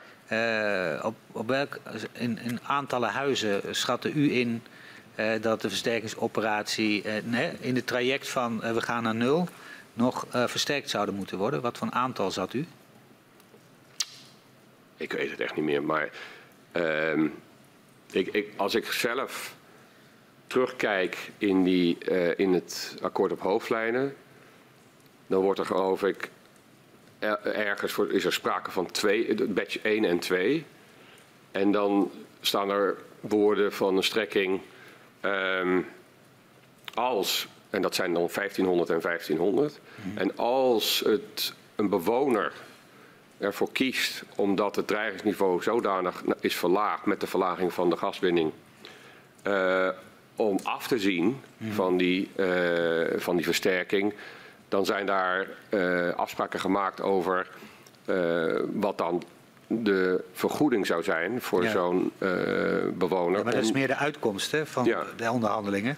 Maar ik was benieuwd of Exxon voor zichzelf een inschatting had gemaakt tijdens de onderhandelingen hoe groot de versterkingsoperatie nog zou moeten zijn. Ongeveer. Ja, ongetwijfeld. Maar ik leid uit wat er uiteindelijk is af, afgesproken af.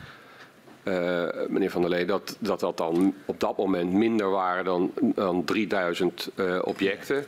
Okay. En ik, ik herinner me uh, ik denk dat ik dat goed zeg. Dat er ook, ja, in, kort na het overeenkomen van het akkoord op hoofdlijnen zegt de Mijnraad. Nou, ik denk dat, dat, we, dat er nog ongeveer 1500 huizen moeten worden versterkt. Maar, zegt de Mijnraad, als we daar mm -hmm. nog een ruime marge omheen zetten, uh, dan kunnen daar er misschien nog wel eens een 6000 bijkomen. Mm. Dus dat waren de, de, getallen die op dat moment speelden. Ja. Die aan de orde waren. Ja, maar dat was net weer na het afsluiten van de overeenkomst? Ja, dat, ja de, mijn raadsadvies is van na, Precies. na ja. de overeenkomst. Ja. En in die discussie uh, voor dat moment, tijdens die onderhandelingen, het publiek worden van het nulbesluit, het publiek worden van een pauzeknop. In hoeverre werd er nou een relatie gelegd tussen uh, de opbrengst van uh, de gaswinning binnen dat afbouwpad en de omvang van de versterkingsoperatie? Ja, daar was een rechtstreekse relatie tussen, omdat het dreigingsniveau naar, naar beneden zou komen. En dat was ook precies de bedoeling, denk ik. Dat heeft ja. de minister ook met veel passie uh, verdedigd als, als het juiste en gerechtvaardigde besluit. En, het, en, en, en uh, ook wat de Groningers uh, ja, verdienden, uiteraard, na al die jaren van overlast. Dus u onderschreef ook die verwachting of die ambitie, of hoe je het ook omschrijft? Ja, zeker. Dat, dat, dat was dat onderwerp van we moeten die versterkingsoperatie, die moet niet te zwaar worden, die moet uitvoerbaar blijven. Ik denk dat dat de minister Wiebes zelfs uh, rechtstreeks de aanleiding was voor hem om, ja. om naar het kabinet met zijn voorstel te gaan. En in hoeverre heeft het indrukken van die pauzeknop op die versterking eh, nou uh, de onderhandelingen over het akkoord op hoofdlijnen beïnvloed?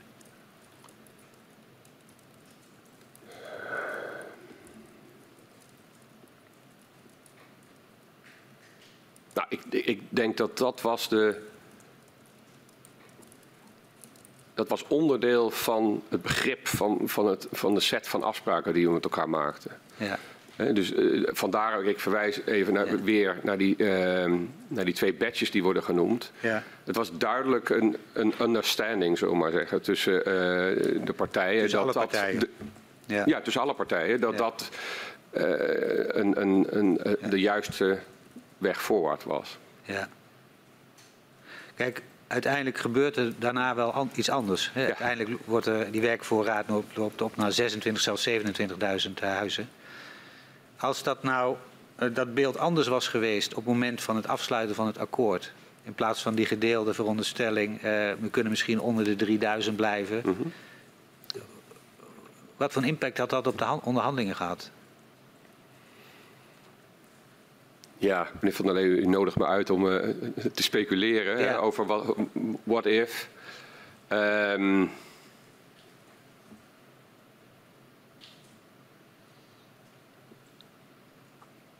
ja, dan waren we wellicht tot andere, tot andere afspraken gekomen met elkaar. Ja. Uh, ik bedoel, andere getuigen hebben ook al eens verklaard dat 90% van de revenue uh, uit het Groningen veld, die gaan naar de staat. Uh, en ja, dan waren er wellicht andere afspraken ja. tot stand gekomen. Dus ik, ik, mag concluderen dat het, het pauzebesluit een significante invloed heeft gehad op het uiteindelijke onderhandelingsresultaat. Dat geloof ik niet. Nee, dat, dat zou ik niet onderschrijven, hè, hoe Waarom u stelt. Nou, ik, ik, kijk, het, het was. Ik, kijk, de pauze op zich, dat was geen doel. Hè. Dus Nee, de, minister nam Maar de tijd. inschatting van de omvang, eh, van Ja. de beperktere omvang van de versterkingsoperatie heeft invloed gehad op de uiteindelijke eh, afspraken in de overeenkomst. Correct. Ja. Goed. We zijn anderhalf uur aan het, eh, eh, ja, in dit voor actief. Dus ik stel voor dat we even gaan pauzeren. En ik verzoek de griffier om u even naar buiten te geleiden. Dank u.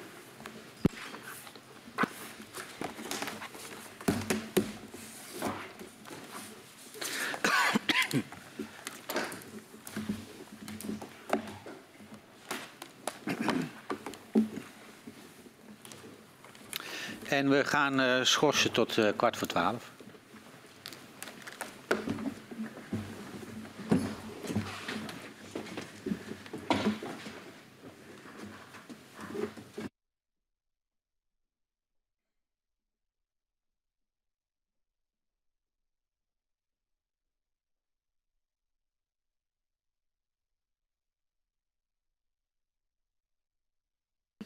Ik open de vergadering van de parlementaire enquêtecommissie Aardgaswinning Groningen. Aan de orde is het vervolg van het verhoor met de heer De Jong. En ik eh, verzoek de griffier om hem naar binnen te geleiden.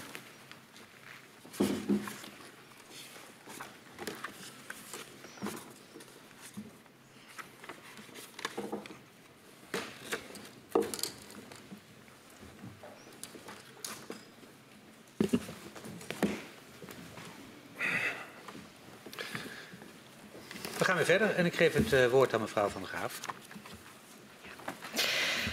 In januari 2018 doet het Hof Arnhem-Leeuwarden uitspraak in de zaak van de stichting WAG over de waardevermindering van woningen in Groningen. Vervolgens ontstaat er discussie in het college van beheer maatschap over de vraag of NAM in cassatie moet gaan. In de stukken van de NAM-raad uh, zien we dat Shell en ExxonMobil hierover van mening verschillen. Waarover ging dat verschil?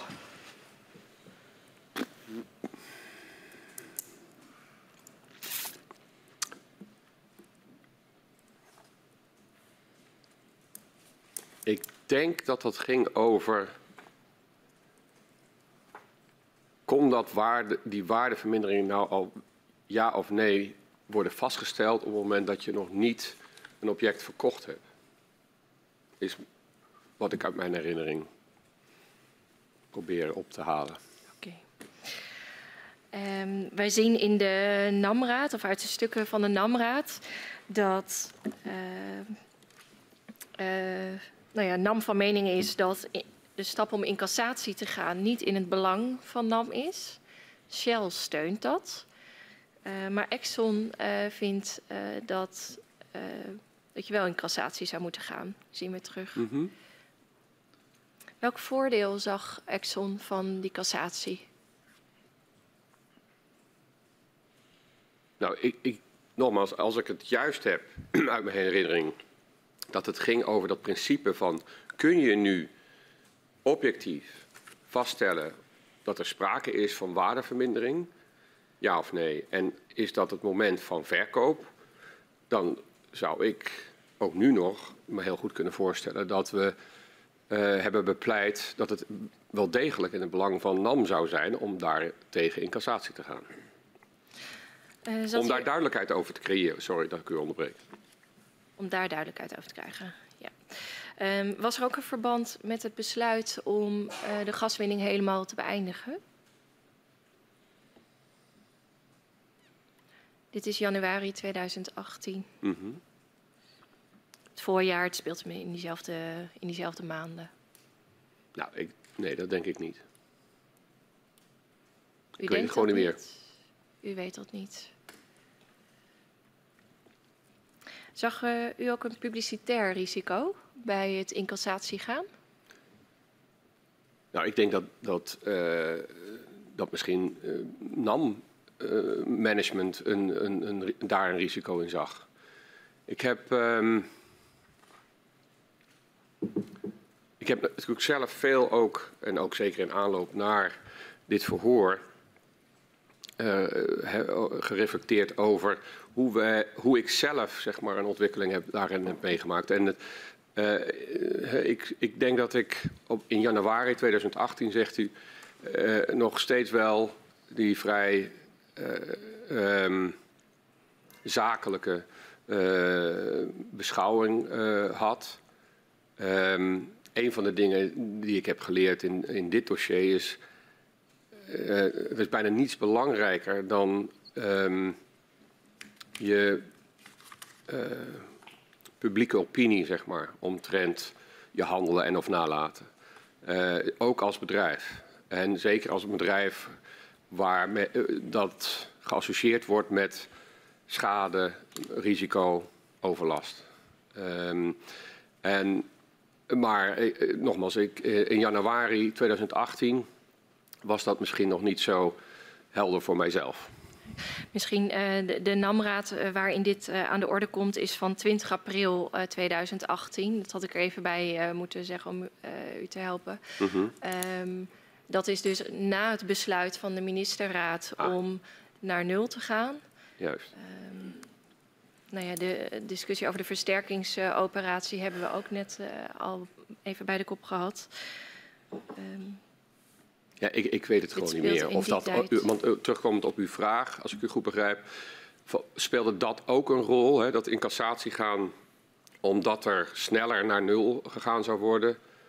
Ik denk het eerlijk gezegd niet. Ons, onszelf en mezelf kennende uh, zal het veel eerder gegaan zijn om dat principe van wat is dan een objectieve uh, grondslag voor die waardevermindering? En wanneer kun je dat ook echt daadwerkelijk vaststellen? Ja, en welke risico's zag u uh, als NAM niet in cassatie zou gaan? Oh.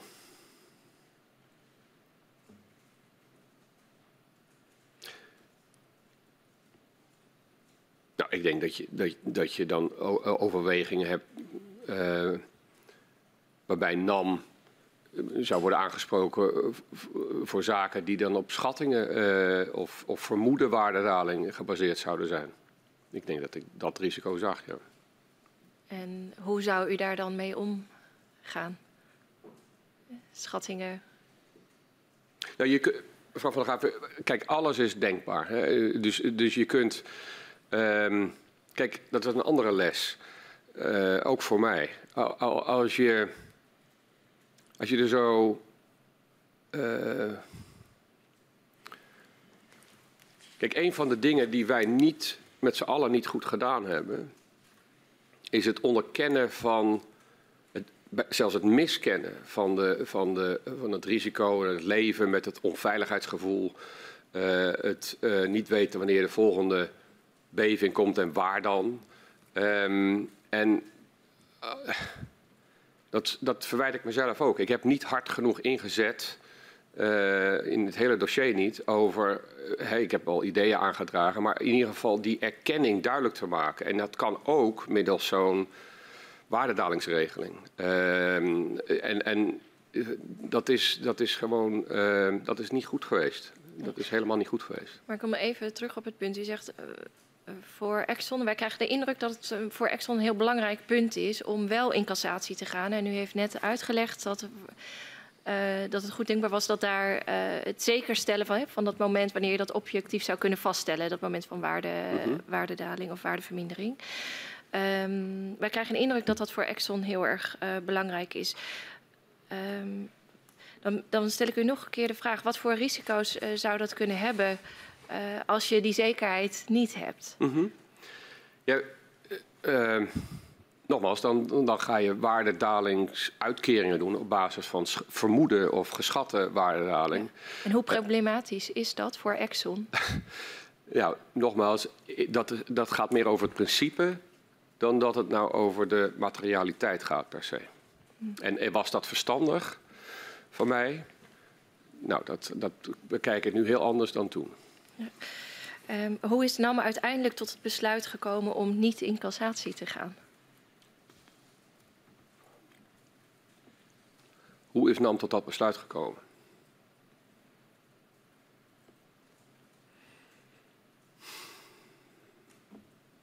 Ja, dus we zien hier dat NAM, uh, nou ja, de, dus dat eigenlijk liever niet doet. Wordt daarin gesteund door Shell, maar u, u kijkt daar anders tegenaan. Ja. Ja, weet u, um, NAM heeft um, een bestuurder. Die bestuurder is Shell Nederland BV. Dat is een beetje een exotische variant, hè, want het is een rechtspersoon is een, is een bestuurder van een rechtspersoon. Um, en ja, soms als de, zeg maar, de stemmen staken, dan, dan uh, meent de bestuurder uh, de doorslag te moeten geven. En, en dat is, daar zal ongetwijfeld ook toen weer gebeurd zijn. Ik, ik weet dat zo niet meer helder, heb ik dat niet voor de geest. Is, is dat antwoord op uw vraag? Uh, Want ik, ehm. ik zie u kijken. Ja, nou, ik probeer, zeg maar, op dit moment wat u, u geeft aan uh, dat. We, nou, we willen graag hier gewoon een, een scherper beeld bij krijgen. Wat, wat, wat dan de overwegingen zijn bij Exxon uh, op, op, op dit punt. Uh, um, nou ja. Het gaat hier over waardedaling van huizen. Um, mensen geven aan, dit, dit, nou, het is best een grote zaak. Er zijn heel veel inwoners die zich hierbij hebben aangesloten ook. Mm -hmm. Om dat bij de rechter te bepleiten. En het Hof doet daarover een, een, een uitspraak. Mm -hmm. um,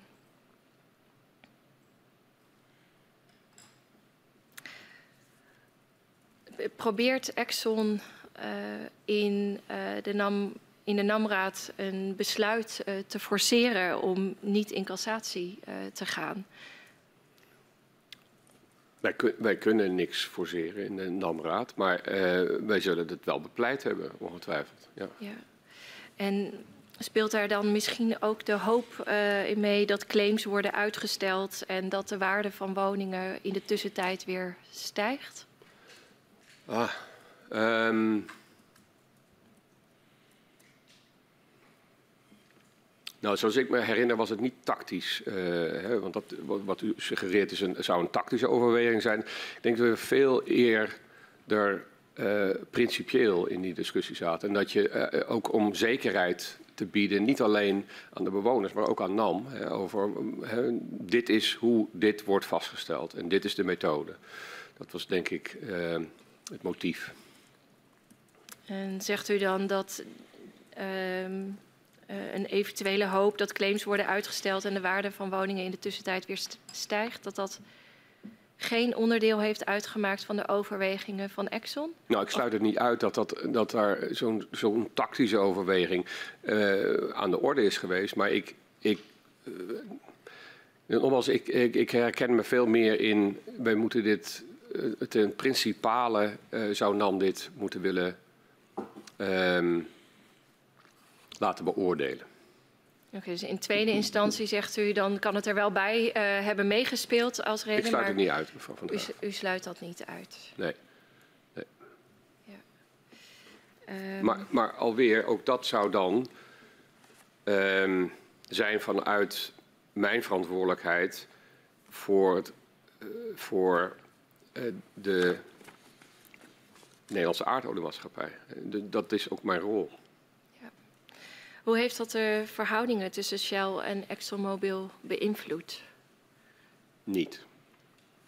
U schetst... N niet op een slechte of een, of, een, of, een, of een negatieve of positieve manier.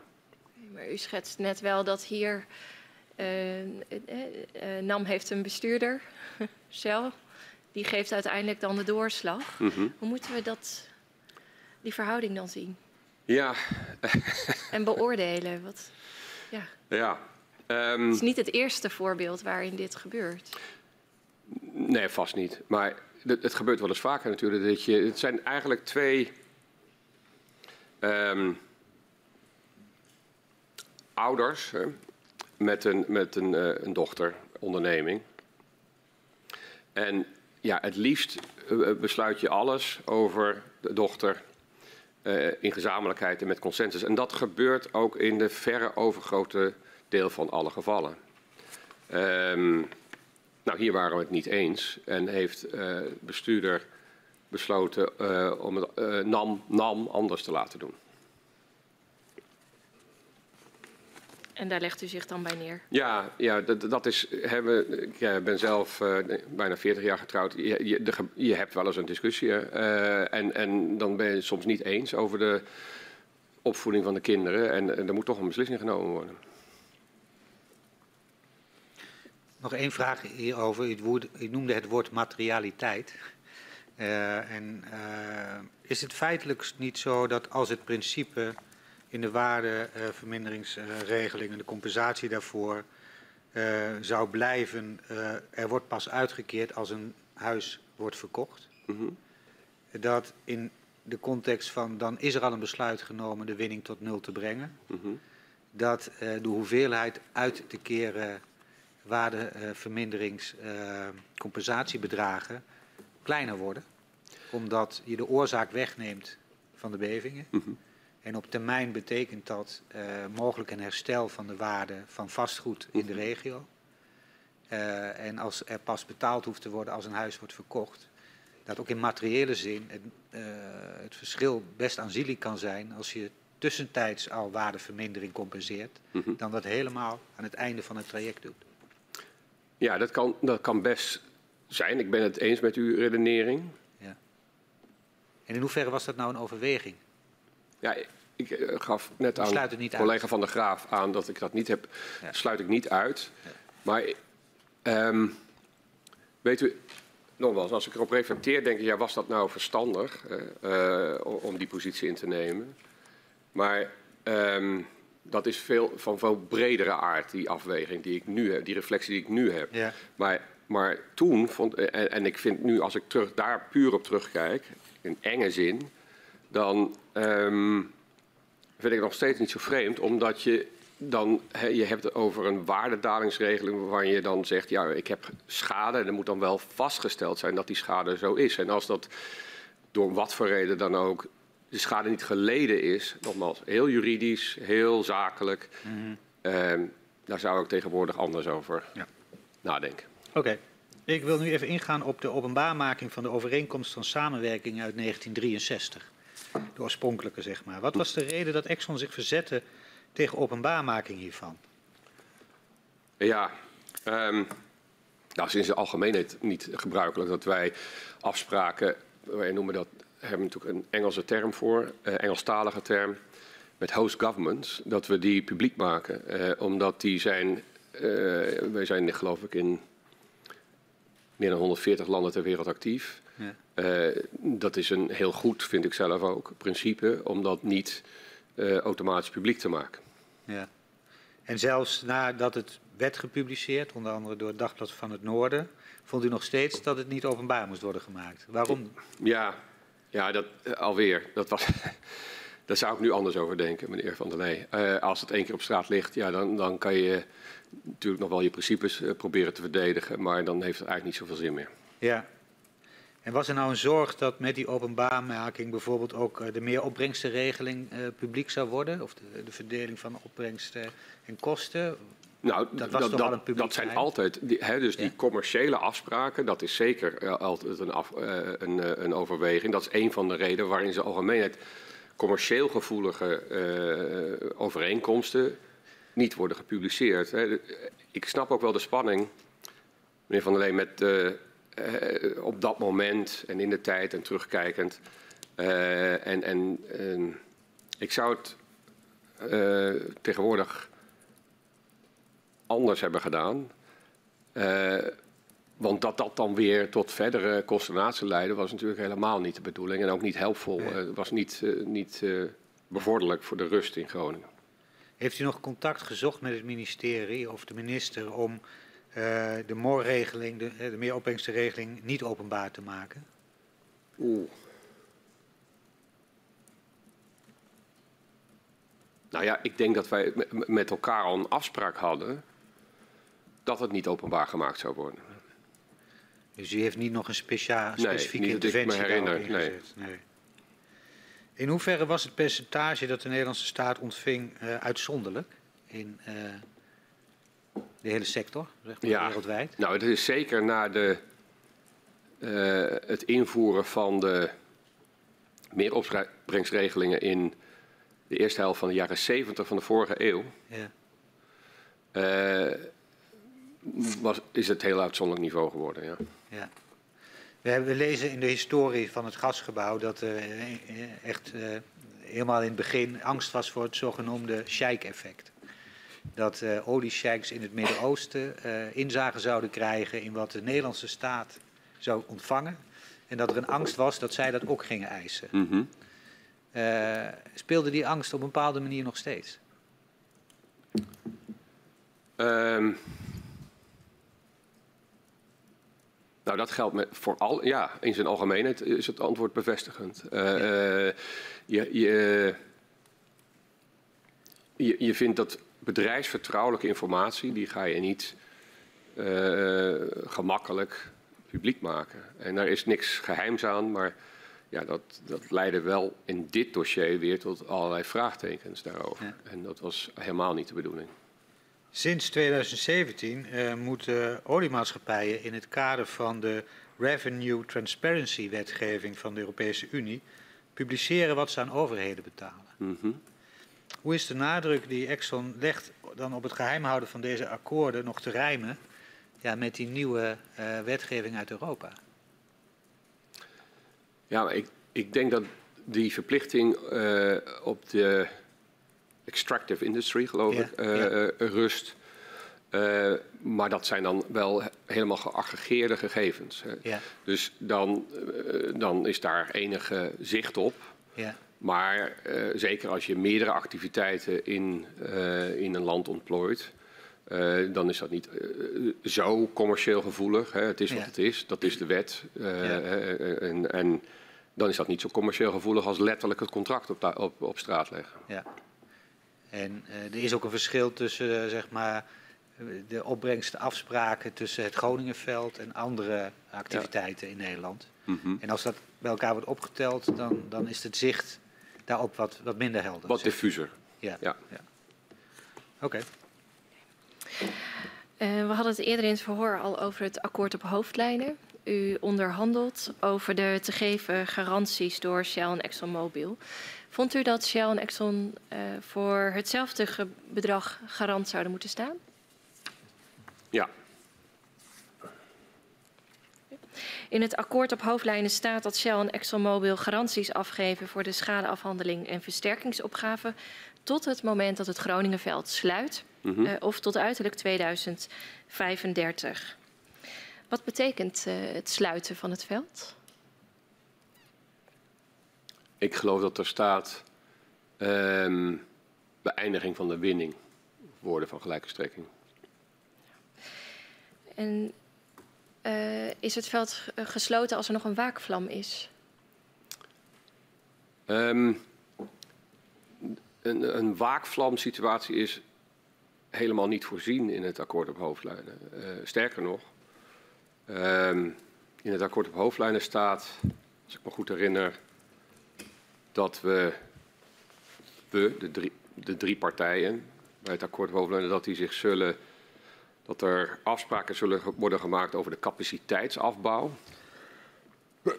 En er staat zelfs, dacht ik, expliciet in dat een waakvlam geen onderdeel, hè, dus het, het, een hot standby, eh, alweer in ons industriejargon, eh, die wordt zelfs, denk ik, expliciet uitgesloten. Sorry, en dus, wat was uw vraag ook weer, mevrouw Van der Graaf? Eh, nou, de, de vraag die ik had gesteld was: is het veld gesloten als er nog een waakvlam is? Ja, nou, dat is eigenlijk een vraag om eh, naar, de, naar eh, wat betekent dat nu in het contract. En daar hebben we dus, daar, daar zijn geen expliciete afspraken over, dus dat weet ik niet. Dan over de garanties eh, zelf. Wat houden de garanties in?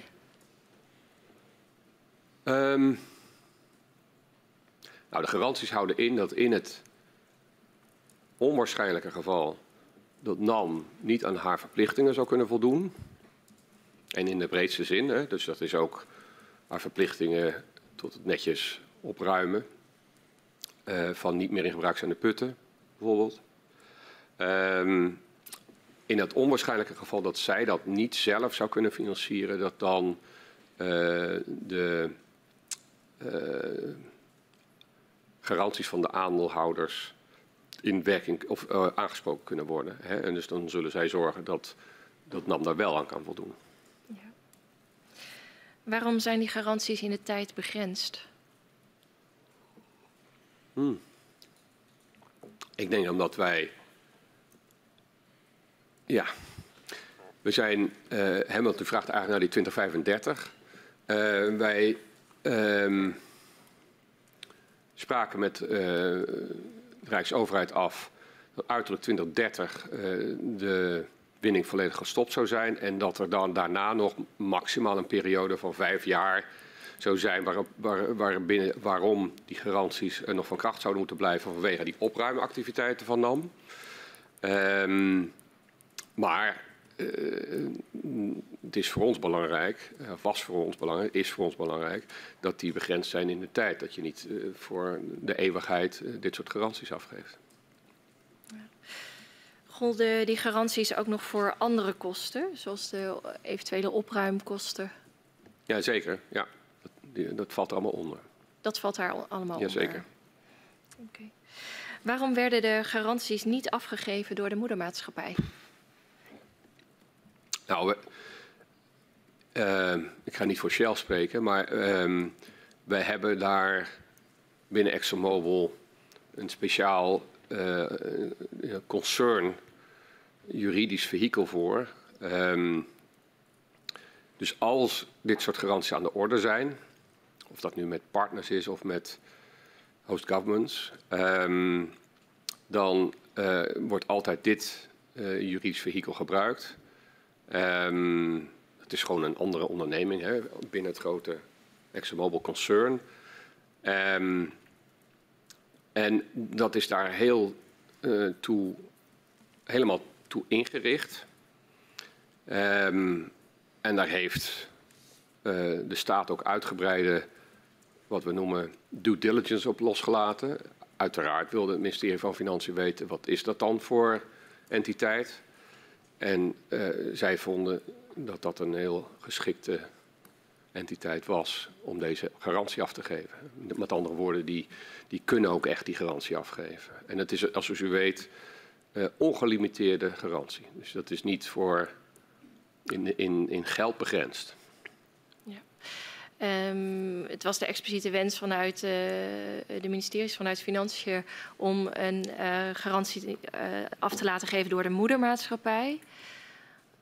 Um, er wordt dus nu een aparte entiteit, is daar nu voor. Um, en niet van de moedermaatschappij. Wat stond daar dan voor in de weg? Waarom wilde de moedermaatschappij dat niet afgeven?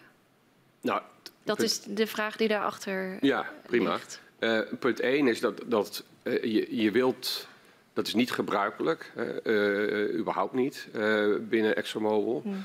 Um, en je, je wilt, en want daar zitten ook allerlei, en nou het goede, want daar ben ik helemaal niet deskundig in, maar daar zitten ook allerlei rapportageverplichtingen aan. En daarom hebben we voor dit soort gevallen, het is niet, uh, voor, ik wil dat misverstand wel wegnemen, zo het er zou zijn, dat er een speciaal vehikel is opgericht hè, voor, voor, om deze garantie af te geven. Het is een bestaande, een van de vele dochterondernemingen van Exxon Corporation. Ja. Um, was er nou ook minder geld uh, voor de regio vanwege het snellere afbouwpad? Dit kwam gisteren in het verhoor met mevrouw Van Loon ook aan de orde.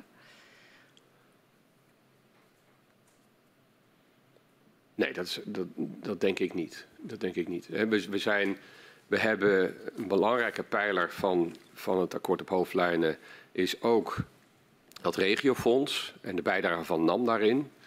Uh, en daar hebben we, denk ik, hele goede afspraken over kunnen maken. En, en, en de, de Rijksoverheid vond dat kennelijk ook een goed, een goed bedrag. Is uh, Exxon bereid om daar meer uh, aan bij te dragen? Aan het regiofonds? Nou, de indruk, uh, nou, laat ik eens uh, uh, ja, was Exxon bereid geweest om, om daar een hoger bedrag voor beschikbaar te stellen voor de regio, even los van dit regiofonds, misschien anderszins. U heeft blijk gegeven dat u oog heeft voor, nou ja, maatschappelijk draagvlak mm -hmm. ook. Nee, ik begrijp uw vraag, maar um, ik weet eerlijk gezegd niet meer of ik daar nou hogere of lagere bedragen uh, intern over circuleerde in 2018. We hebben die, die 500 miljoen afgesproken. En wij, uh, waar wij altijd sterk aan hechten, dat is ook eerder in het verhoor al duidelijk geworden, denk ik, is dat we, um, we zeggen wat we doen en we doen wat we zeggen. Um, en dus als wij afspraken maken, dan houden wij ons daaraan. de riem en pretels. Nou ja, nogmaals, ook dat. Die u eerder dus, aangaf, waren niet nodig voor Exxon, zegt u. Nee, nee maar, de, maar dat betekent niet dat, dat nu ik dat heb afgesproken, dat wij ons daar strikt aan zullen houden. Ik kom nog even terug op uh, een definitiekwestie. Uh, beëindiging van productie. Uh, wat is in dit verband productie? Je zou kunnen zeggen, productie is niet alleen het oppompen van gas met de verkoop. Maar het, draaien van een waakvlam kan alleen als er gas uit het veld komt. En ook dat is een vorm van productie. En ik vraag daarna, omdat voor ons uh, belangrijk is om te weten, gelden de garanties nog? Ook als er een waakvlam uh, draait? Of wordt dat gezien door partijen in de overeenkomst als, ja, dan gelden de garanties niet meer, want de productie is beëindigd? Ik snap uw vraag. Ik, ik moet u het antwoord schuldig blijven. Ik heb nog geen advies gekregen over wat dit nu betekent. Ik gaf net aan uw collega van de Graaf aan dat um, over deze situaties zijn geen uh, um, die definities. Dus we hebben het over een waakvlam bijvoorbeeld. Ik gaf ja. u net aan. Die zijn die waakvlam is expliciet niet voorzien in de. Nee, dat heeft, dat heeft u verklaard. Dat, dat, en dat klopt ook, want dat staat er niet in. Maar de vraag is even: geldt zolang er geen nieuwe afspraak is, de bestaande afspraak wel?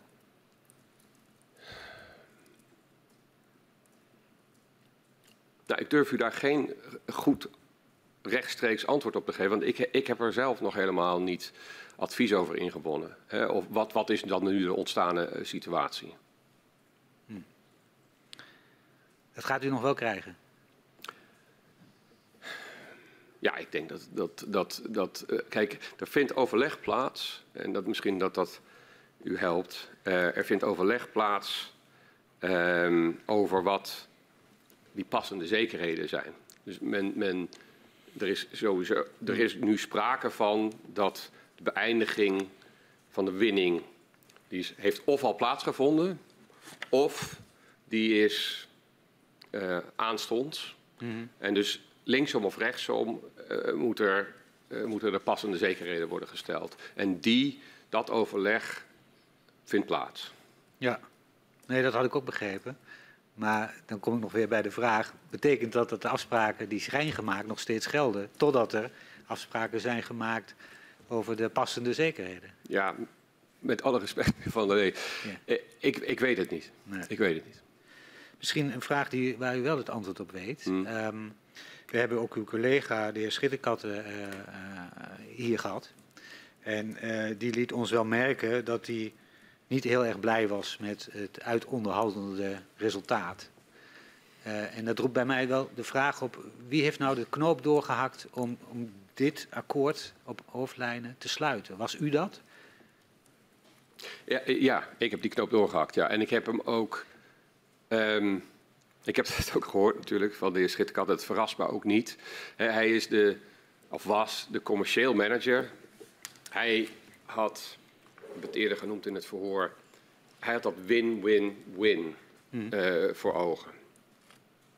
Uh, met het besluit om nog sneller naar nul te gaan, zag hij zijn win uh, wel ziender ogen ja, slijten. Mm -hmm. um, ik heb een bredere afweging gemaakt uiteindelijk. En ik heb ook het akkoord op hoofdlijnen, uh, overigens met loyale hulp van de heer Schitterkat, uh, intern verdedigd als een gebalanceerde set van afspraken.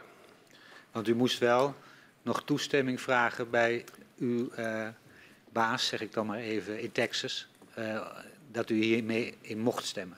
Ja, ja om dat even te, te wat meer te illustreren. Um, het was natuurlijk niet zo dat, ze niet, dat mijn uh, collega's in de Verenigde Staten geen idee hadden waar ik mee bezig was.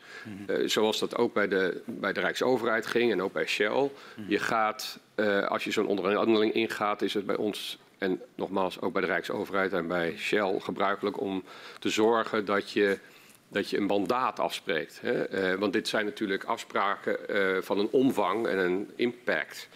Um, ja, waar het heel logisch is dat je daar interne afstemming over hebt. Ja. Uh, en dat mandaat, uh, dat was de eerste stap uh, om, om een mandaat te verkrijgen. En uiteindelijk zijn er dan altijd aspecten die wellicht niet helemaal in het mandaat passen. ja, en die, ga, die, die heb ik verdedigd. Ja. ja. En ik, ik, heb, nogmaals, ik, ik sta volledig achter het akkoord op hoofdlijn. Ja. En voor de volledigheid, drie keer win was win voor Groningen, win voor staat en win voor Shell en Exxon. Klopt. Oké. Okay. sorry, mag ik daar nog een aanvulling op maken? Ja. Want ik denk over de heer Schitterkat. Ik denk dat hij toen dacht, nou ja, dan wordt het nu een. Hè, maar hij is altijd ook, ook een beetje een man van het glas is half leeg. Uh, maar dat is in zijn aard. Um, dus voor hem werd het toen, nou ja, het is de jongs beslissing uiteindelijk. Maar dit wordt wat hem betreft dan een win-win-lose. Mm -hmm. uh, en dat is ook niet helemaal fair, hè, want we hadden het al eerder over, het, over, het, over de winningsplicht. Hè, dus die, het voorkomen van strafrechtelijke vervolging van de nammers. Dat, mm. dat was natuurlijk een belangrijke win uh, okay. voor ons. Um, en zoals we de, maar zoals we er nu tegenaan kijken, uh, denk ik dat um, de huidige staat van de, van de uitvoering van het akkoord op hoofdlijnen is bijna toch een beetje een lose-win-lose geworden. Hè, waarbij de Groningers nog altijd niet weten, bijvoorbeeld, uh, wanneer het veld nou definitief helemaal forever dicht is. Om maar eens één voorbeeld te noemen. Ja. Oké. Okay. Op 22 mei 2019 vindt er een zware aardbeving plaats bij Westerwijdwerd. Wiebes volgt het advies van staatstoezicht om de gaswinning ja, nog sneller terug te brengen, ook uh, snel onder de 12 miljard kuub. En dat betekent dan weer een snellere afbouw dan was voorzien in het akkoord op hoofdlijnen. Mm -hmm. Werd u verrast door deze aankondiging van de minister om sneller af te bouwen?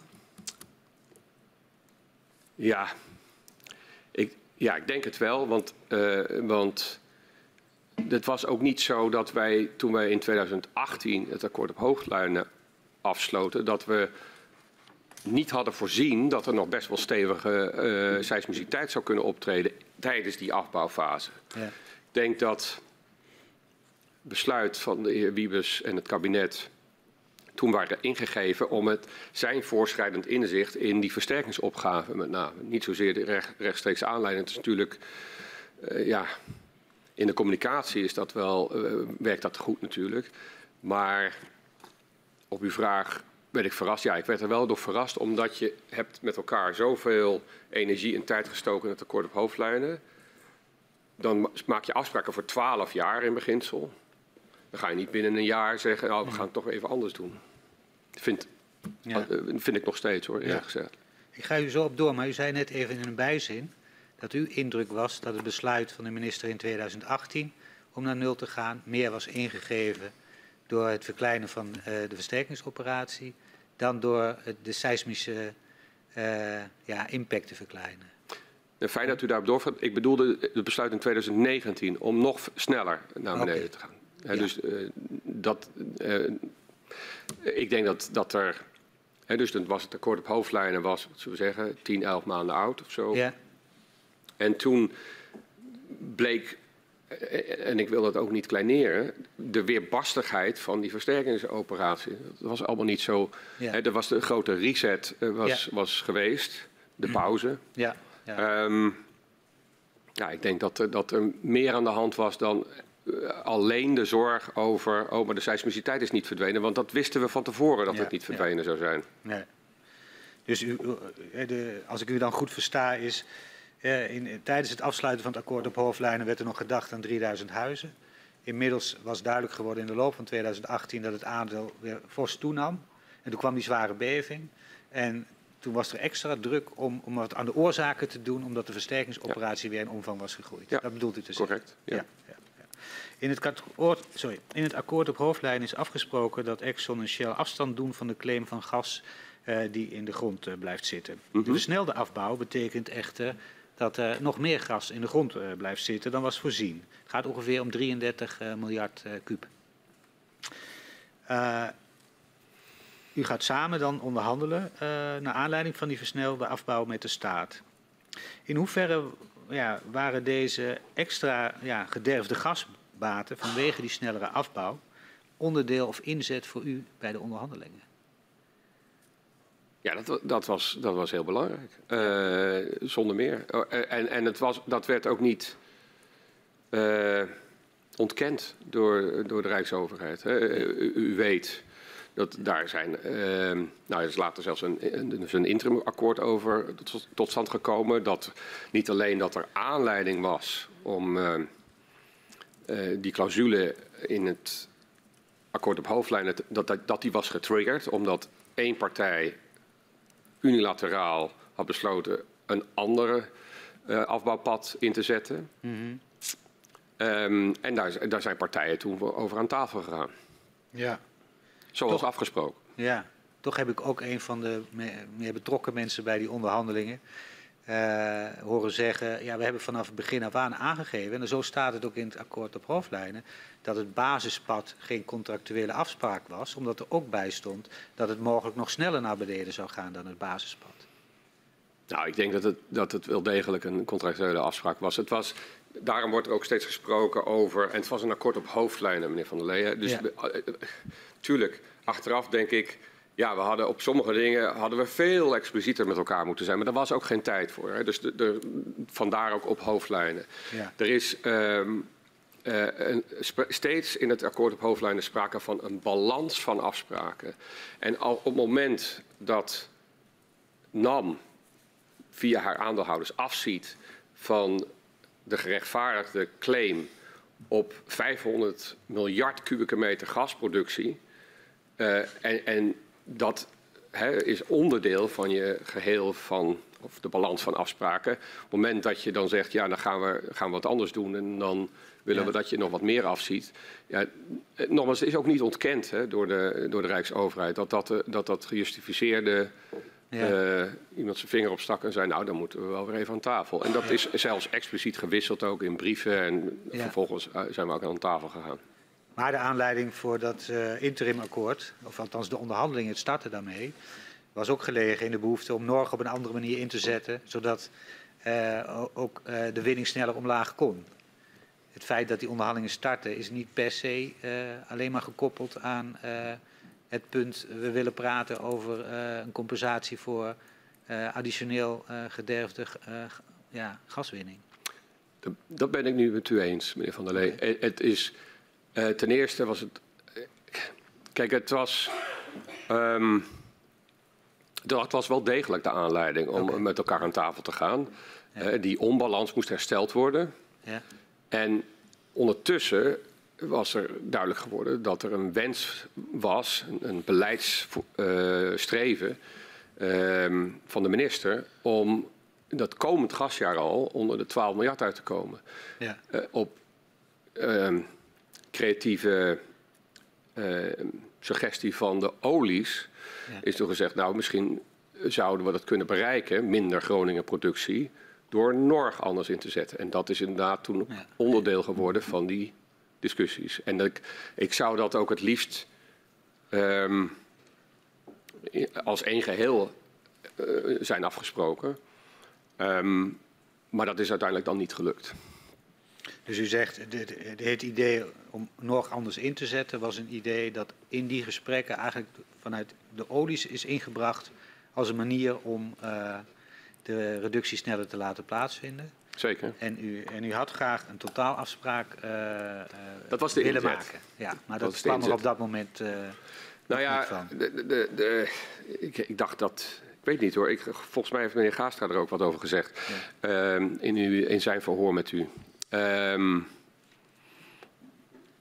ehm, dat, wa- dat waren partijen ook van plan om over het geheel eh, een, een herbalancering af te spreken. En dat dat maar ten deel is, of dat er alleen maar een afspraak is gemaakt over, over, over Norg eh, en over de rest niet, dat dat niet gelukt is, ja, daar heeft hij ook een paar dingen over gezegd, dacht ik. Ja. En eh ervaarde u zelf ook tijdsdruk om, om, om snel tot afspraken te komen? Ook gelet natuurlijk op eh, het advies van het SODM bijvoorbeeld? Nou, wij wilden, wij wilden de minister eh, graag helpen bij, bij, die opdracht om onder de 12 terecht te komen. Dat leek ons. Kijk, dat is in zo'n. zo'n eh, daar wil ik ook niet altruïstisch over doen.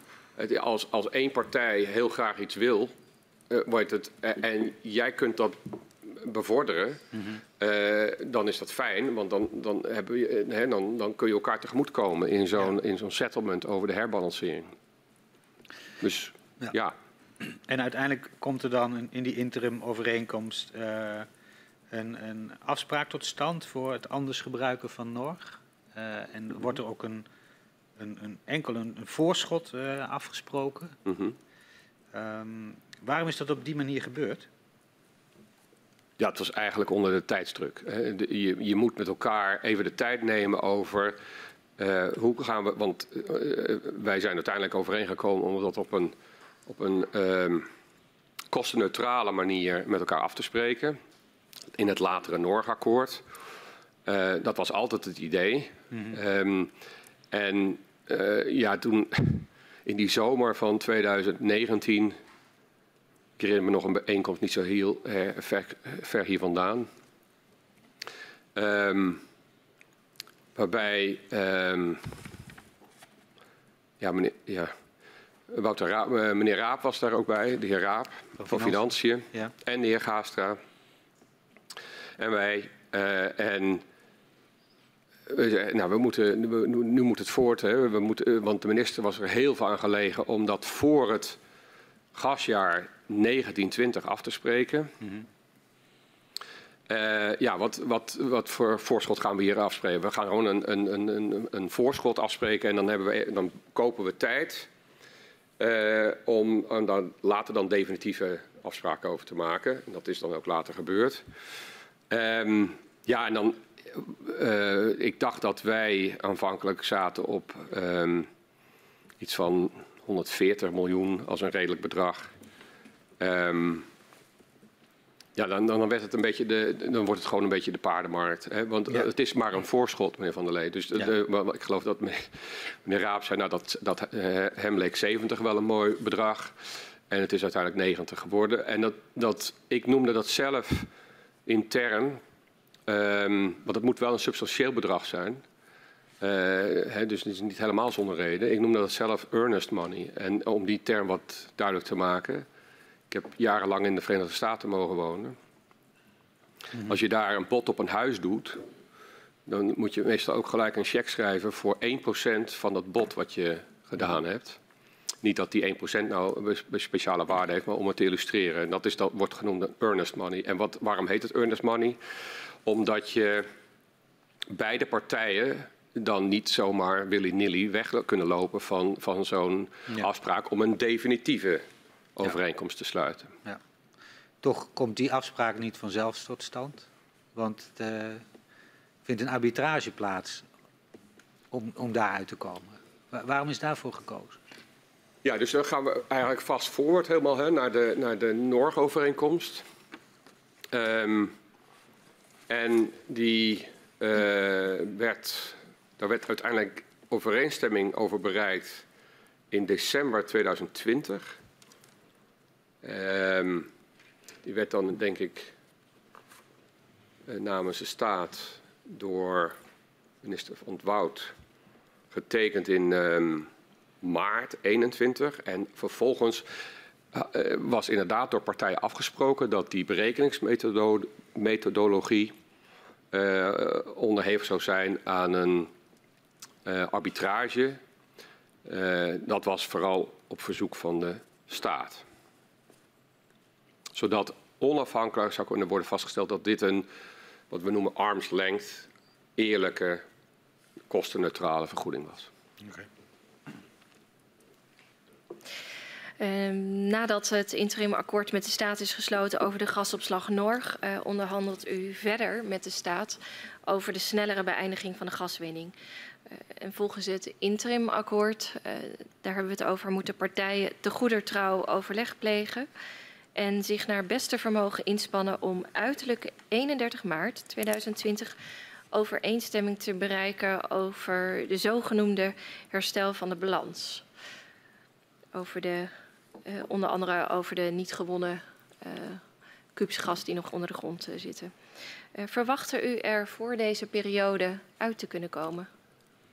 Oei. Ja, ik, ik, ja, ik denk dat, dat, dat ik dat wel verwachtte, ja. Dat was een realistische ja, wel, nogmaals, mijn handtekening staat er ook onder. En, en, dus ik zei het al eerder. Hè. Dus wij, wij, ik probeer dat dan ook echt altijd waar te maken. En er is, zijn ook hele intensieve gesprekken gevoerd. Ja. Wat was voor Exxon dan het belangrijkste onderdeel in die onderhandelingen? Um, ja, ik denk dat die. Um, u heeft ook gezien in het interimakkoord er worden een aantal dingen genoemd. Ook de, de Eén is die, die, die volumeafwijking van het basispad. Een tweede is die, de kostenontwikkeling, um, met name op het punt van versterken. Um, dat zijn zo twee hele, hele grote aspecten.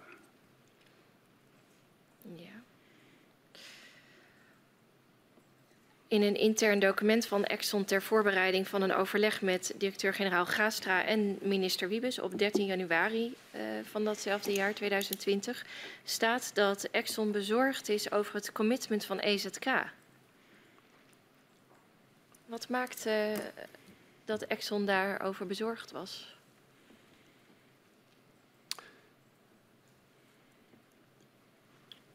Nou ja, We hebben het al eerder even gehad over. Um,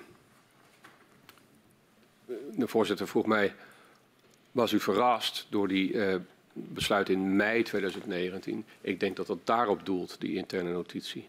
Um, ik was zelf overtuigd dat als je dat, dat, en ik ben er nog steeds, dat het akkoord op hoofdlijnen een goede set van afspraken was. En ik had ook liever gezien dat iedereen zich daar aan gehouden had. Dus ik denk dat dat op de gebrek aan commitment uh, of de zorg over het gebrek aan commitment doelt. Kijk, u gaf net aan dat er twee grote thema's eigenlijk een rol spelen. Dat gaat over de volumeafwijking van het basispad, zo omschreef u dat net, en mm -hmm. de kostenontwikkeling voor de versterking. Wat was voor Exxon het belangrijkste punt?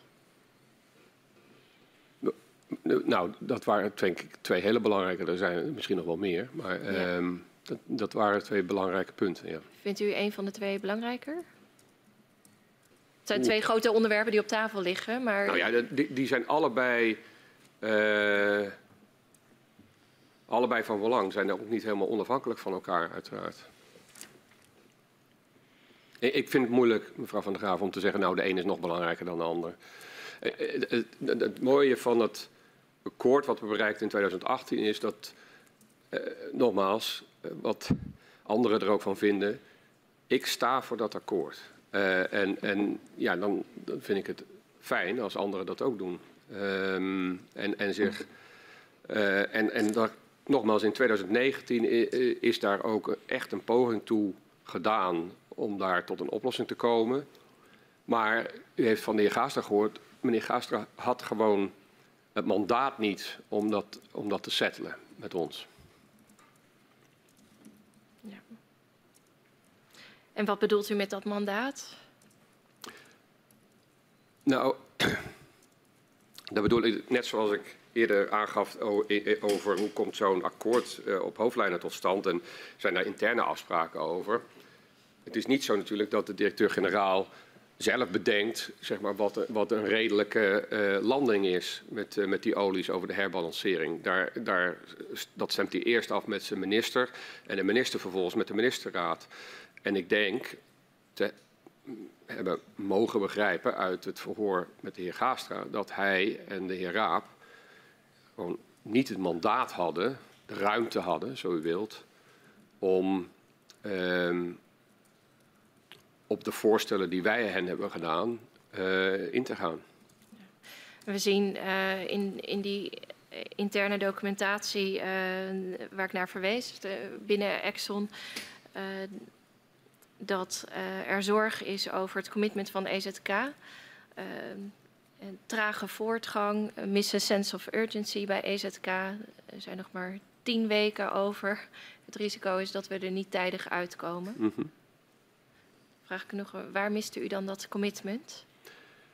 Nou, nogmaals, het, het was natuurlijk lastig voor die twee hoofdonderhandelaars. Als je niet het mandaat hebt, als je niet de ruimte hebt om te zeggen van hier is de onderhandelingsruimte. Om tot een landing te komen binnen tien weken naar dat punt, hè, wat u citeert. Um, ja, dan, dan, dan ik, ik, vind het fijn dat u het nader duidt voor mij. Maar dan, dan ging dat commitment meer over van ja, kunnen ze er wel uitkomen? En, en het vermoeden was natuurlijk, ik, ik, ik, weet er nu iets meer over, omdat de uh, heer Gaastra erover verklaard heeft hier. Maar uh, dat wist ik toen niet. Dus, dus, vandaar dat je, je, je hebt dan wat we noemen zwakke signalen, waar je denkt, ja, maar oké, de volgende vergadering, nee, kan volgende week niet, uh, misschien een week daarna, et cetera. je voelt soms dat een ander aan het onderhandelen is met één arm op de rug, bijvoorbeeld. Zo gaat dat. Ja, dat, ja zo gaat dat soms. Uiteindelijk wordt de datum uh, van 31 maart 2020 niet gehaald. Um, op welk moment werd er besloten om het geschil te splitsen in twee arbitragezaken? Eén over de inzet van Norg en één over die zogenoemde uh, herstel van de balans. Ik denk dat um, ja, dat we het um, net hebben opgehaald, om het zo maar uit te drukken, op het ministerie van Economische Zaken met de beide ministers en die onderhandelaars. Um, en wanneer dat precies is geweest, weet ik niet meer. Maar misschien weet u het in april uh, 2020 of daaromtrent. Dat zal kort na het verstrijken van die datum geweest zijn. Ja, er was een uh, overleg eind april uh, ja. met, de, met de minister. Uh, op wiens verzoek uh, wordt dat geschil gesplitst in twee arbitragezaken? U gaf net aan, ik had het liefst als één geheel een akkoord afgesproken. Uh, komen twee. Nou, het is niet zozeer dat het dan een, dat het dan een, um, een voorstel is. Het is dan een restje niet veel anders meer. Hè. Dus dan, dan, uh, dan rest je niet veel anders meer dan zeggen we, nou, we stellen vast dat we zijn wel eens over Noorovereenkomst en die geven we ter verificatie validatie is het woord. En leggen we die ook nog voor aan een onafhankelijk arbiter. Uh, en voor die overige zaken, ik denk dat ook de bewindslieden hebben aangegeven, ja, wij, zien geen landingsruimte.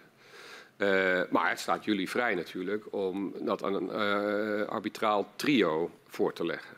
En welke bewindslieden gaven dat aan? Uh, ik denk dat, dat uh, minister Wiebes en minister Hoekstra zijn geweest. Die waren beide bij dat gesprek aanwezig. Ja. ja. Uh, wat is de reden dat de onderhandelingen over compensatie van gederfde inkomsten zijn gestaakt?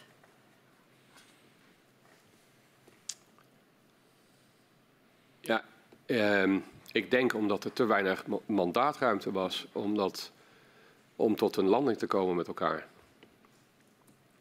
In hoeverre spelen de, hoog, de, huidige hoge gasprijzen een rol om die onderhandelingen niet te hervatten?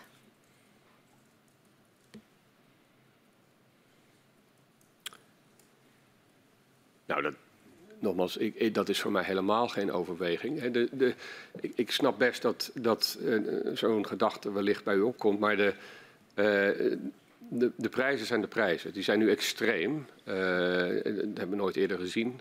uiteraard. Ehm, maar de prijzen zijn wat ze zijn. Wij, wij ik gaf u eerder aan, wij gaan veel met risico om. Maar we gaan ook met marktprijsrisico om. Um, dat is geen overweging wat mij betreft om die besprekingen niet te hervatten. Um, u, ja, u heeft mevrouw Van Loon ook heel gepassioneerd horen verklaren dat zij zeker ook bereid is om uh, aan tafel te gaan. Uh, en dat ben ik ook. Te alle tijden. Okay. Wat zijn dan nu nog de grootste pijnpunten in de onderhandelingen? Nou, er staat een heel rijtje, denk ik, in, in, het, in het interim akkoord. Uh, van welke aspecten van het akkoord op hoofdlijnen zullen worden uh, uh, of geadresseerd zullen moeten worden. Um, ik noemde er al twee van. Um, dat zijn denk ik ook wel grote, belangrijke. Maar ik kan het ook bijvoorbeeld, een van de dingen, en, en dat is misschien ook goed voor u en de commissie, die regiofonds, hè, dat regiofonds, de regiofonds bijdrage, daar was expliciet over afgesproken dat dat zou neerdalen op provinciaal, gemeentelijk en individueel niveau. Dat laatste is voor zover ik weet helemaal niet gebeurd. En dat is geen goede zaak wat mij betreft. Dat was wel de bedoeling? Zeker, heel hoe, expliciet. En hoe zou dat voor moeten krijgen? Dat, dat was uiteraard niet aan ons. Hè. Dus dat was, uh, dat was aan de Rijksoverheid of overheidsinstanties om dat te bepalen, hoe dat zou gebeuren. Dank u wel. In het akkoord op hoofdlijn is afgesproken dat er bij schade en versterken een verschil uh, is tussen de voordeur en de achterdeur. Uh, een publieke instantie handelt uh, de schademeldingen af en is verantwoordelijk voor de versterkingsopgave. De IMG en de NCG. De NAM betaalt aan de achterdeur uh, die kosten waarvoor ze aansprakelijk is. Welke vergoedingen worden op dit moment volgens u wel uitgekeerd die niet onder de aansprakelijkheid van NAM vallen? Oei. Um... Ja, ik, meneer Van der Lee, ik sta niet zo heel dicht bij die NAM-arbitrages. Uh, maar um, even in het. Um, als ik me even beperk tot versterken. En nogmaals, uh, ik ben hier helemaal niet een deskundige in. Um, er zijn andere mensen voor. Maar denk ik wat betwist wordt uh, door NAM is ofwel conform de afspraken in het akkoord op hoofdlijnen uh, voortdurend uh, die versterkingsomvang wordt bijgesteld conform de afspraken in het akkoord op hoofdlijnen. Uh, dat is één principieel aspect, denk ik, wat, uh, wat bestreden wordt. Mm -hmm. Even los van het praktische feit dat, heb ik begrepen van NAM, zij lang niet altijd kunnen beoordelen waaraan die uitgaven zijn besteed en of dat wel is voor of dat allemaal puur mijnbouwschade is. Ja. En waar NAM aansprakelijk voor is. Ja. Even op dat eerste punt. Dus uw interpretatie van het akkoord op hoofdlijnen is dat de versterkingsoperatie moet plaatsvinden op basis van de nieuwste normen? Ja, van tijd tot tijd geactualiseerde normen. Ja, en de maar wat betekent inzichten. dat in de praktijk? Omdat we weten dat dat, is, dus dat zijn de gemiddelde kosten van inspectie, uh, uh, en engineering. Dus uh, kijken wat er nodig is aan versterking en hoe dat dan in, in, dat specifieke geval moet uit, worden uitgewerkt. Dat kost al zo'n gemiddeld 50.000 euro. En betekent in uw ogen werken met de laatste normen dat panden waar al een engineering voor is gedaan, dat die ook weer opnieuw geëngineerd zouden moeten worden? Ja, u overvraagt me echt hier. Oh, ik, ja. weet dat, ik weet dat niet, meneer Van der Lee. Nee. Ja. Wat betekent dat geschil over die uh, kosten aan de achterkant voor de Groningers? Um, dat betekent helemaal niets voor de Groningers. Het grote, een van de uh, zaken waar ik mee akkoord ben gegaan en waar ik ook volledig achter sta, ook vandaag nog, is, ook terugkijkend, is um, dit hele principe van voordeur-achterdeur. Hè, dat is, uh, ik denk dat die term, uh, de, geestelijke vader daarvan is minister Wiebes. En het was precies waar, wat wij met z'n allen vonden in 2018. Het moest niet meer zo zijn dat gedupeerden de strijd aan moesten binden met NAM. die toch heel zwaar geassocieerd werd met uh, en ook middelen en, en, en, en resources te, uh, ter beschikking had, waarbij men het gevoel had, ja, dit is, dit is niet een eerlijke strijd. Zo, als, als we het oneens zijn, bijvoorbeeld, mm. over uh, nou, de uitkomst van een inspectie, bijvoorbeeld. Mm. dus dat was een hele goede zaak. En ook, ik, we horen daar, en u hoort daar ook, wel eens andere geluiden over, maar dat vind ik eigenlijk heel ongelukkig, omdat dat de suggestie wekt dat er toch nog ergens een invloed is van die afspraak bij de achterdeur. En dat hmm. is helemaal niet zo. Nee. Kijk, u zegt dat u daar op afstand staat als het over dit onderwerp gaat.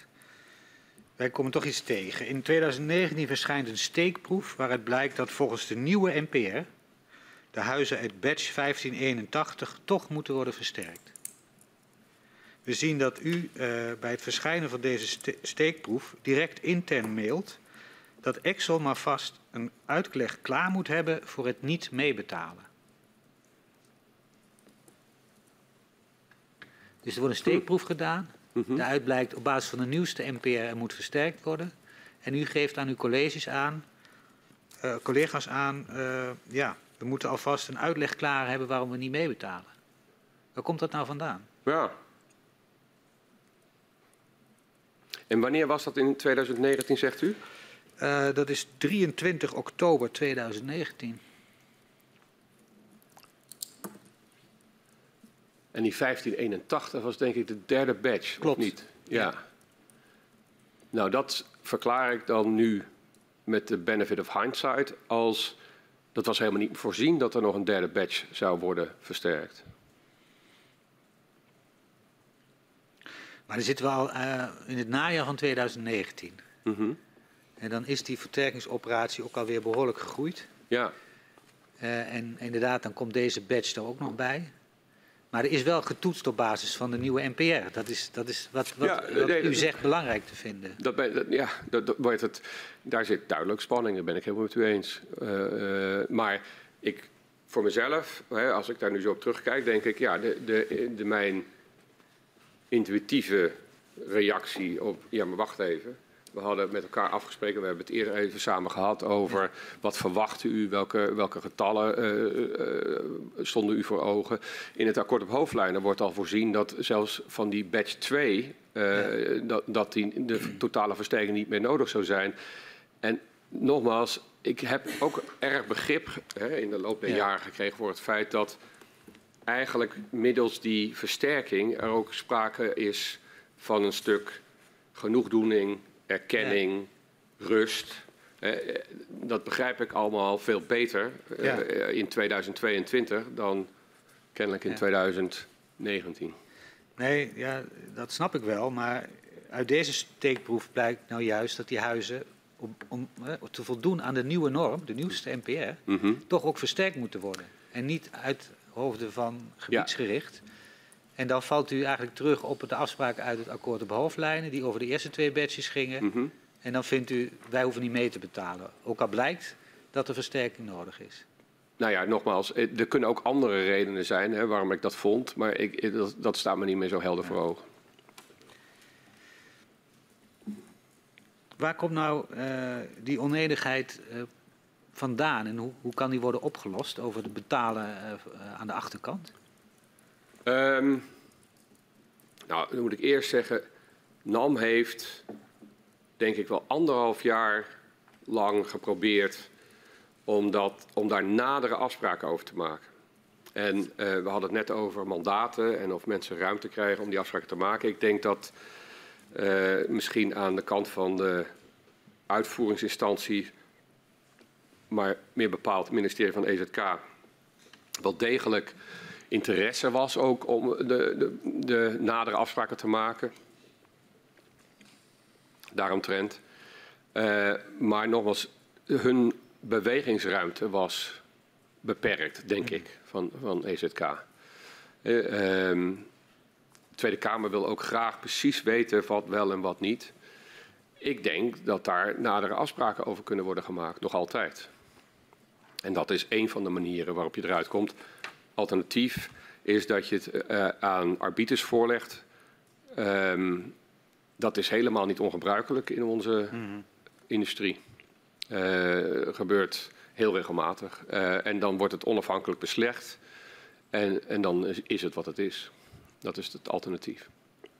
We lezen uh, ook regelmatig dat beide oliemaatschappijen een, een, flexibele versterkingsoperatie wensen. Hoe neemt u daarmee nou de belangen van de Groningers uh, in mee? Een flexibele versterkingsoperatie. Ja.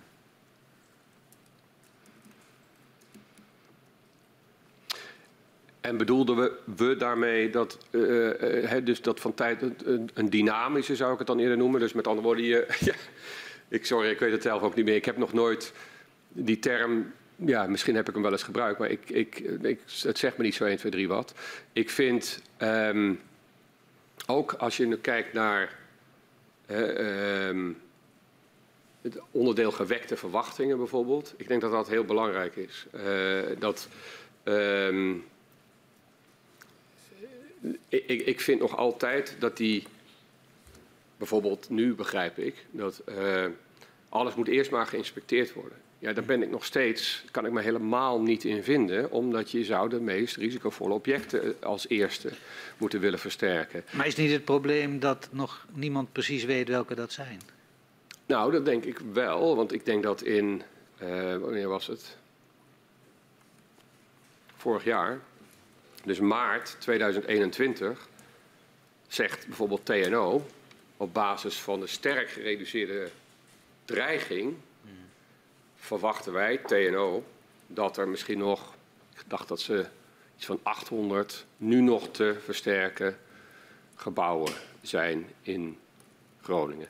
Um, dat zei TNO, hè. dat was niet dat ik dat zei of dat NAM dat zei. Um, en dus um, Kijk, ik heb steeds ook geredeneerd van minder versterking is niet alleen beter voor alle betrokkenen, maar zeker ook voor de Groningers. Het is een hele ingrijpende uh, uh, operatie.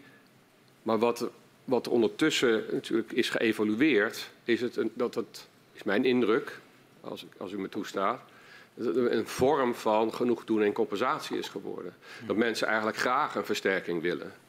Terwijl dat was nooit het uitgangspunt voor NAM of voor mij. Oké, ik geef even het woord aan mevrouw Kuik. Meneer de Jong, um, u zei in het begin van het voor dat u er nogal naïef in zat op allerlei punten. Mm -hmm. Op welke punten doelde u? Nou ja, um, ik, ik, bijvoorbeeld dat um, sentiment. Hè? Dus laten we eerst beginnen met de dus dat hele rationele begin van mij. Dus ik ga met uh, McKinsey praten, uh, mijn collega in, in, in, de productiekant. En ik stel die rationele vragen van hoe hoog is dit risico, wat is de dreiging, wat doen we er dan aan. Bijvoorbeeld op dat moment, ik zei oké, en hoeveel worden er dan versterkt? Uh, nou, dat, ik weet het niet meer precies, maar dat zullen honderden huizen zijn geweest op dat moment. En ik zeg, maar wat zegt die mij dan, Norm dan? Want ja, dat, dat gaan we nooit redden in een jaar. Nee, maar daar mochten we dan vijf jaar over doen. Toen dacht ik, 2016, 2021, oké, prima, hè, dat, dat, dat gaan we doen. Uh, dat, dat, dat moet haalbaar zijn, als je het over honderden hebt.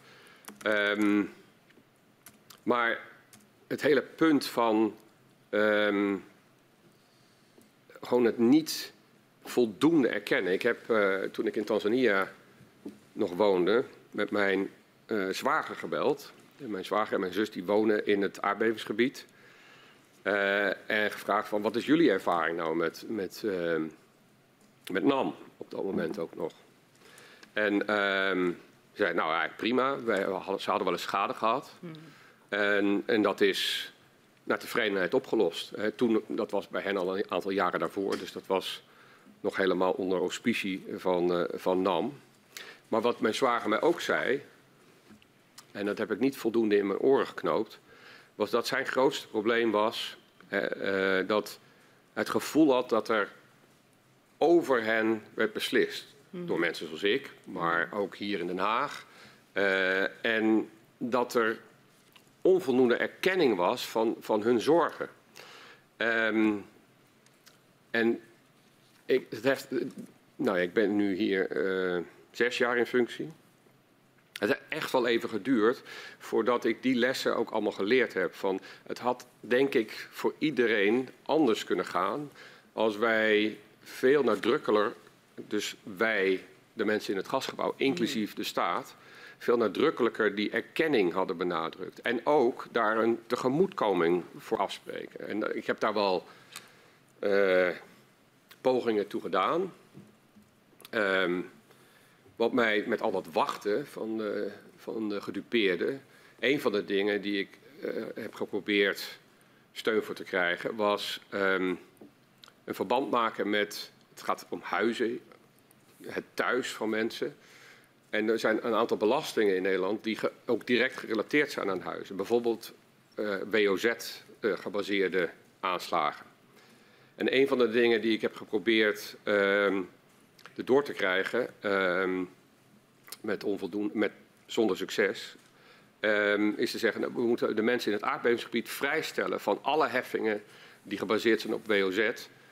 En dan krijg je natuurlijk onmiddellijk uh, tegendruk uh, van de overheid. En die zegt, ja, maar dat kan zomaar niet, want gemeentes die... Dat is een punt wat u heeft ingebracht uh, richting de staat. Ja. en, en welke punten heeft u ingebracht um, op de momenten waar u invloed had?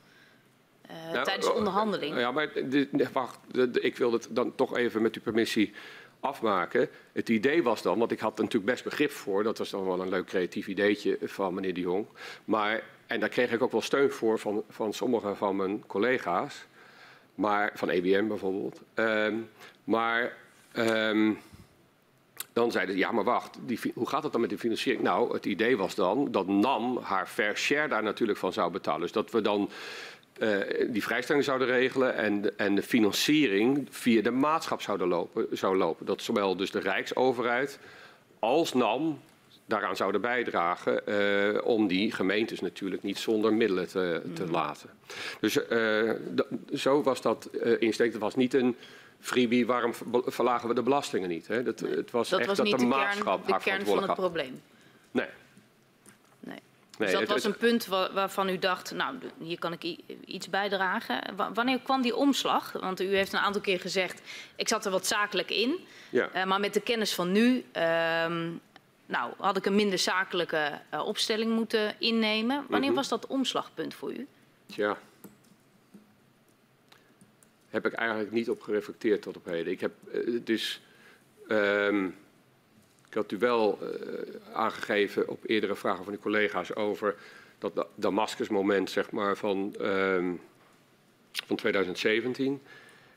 Uh, het, is, het, gaat ook geleidelijk. Hè? Dus um, ja, ik kan niet een, een, denk ik een heel specifiek punt voor u aanwijzen, mevrouw Kuip. Ik heb nog een aantal vragen. Um, meneer de Jong, u gaf aan dat uh, Exxon um, uh, mensen niet onnodig, en dan met nadruk onnodig, uh, bloot, blootstelt aan risico's. Mm -hmm. en u zei ook dat Nederland niet in de kou mocht worden laten staan. Mm -hmm. Legi legitimeerde dat punt van leveringszekerheid dat mensen wel blootgesteld werden aan risico's? Um, ja, het zal zo niet voelen als je gedupeerde bent.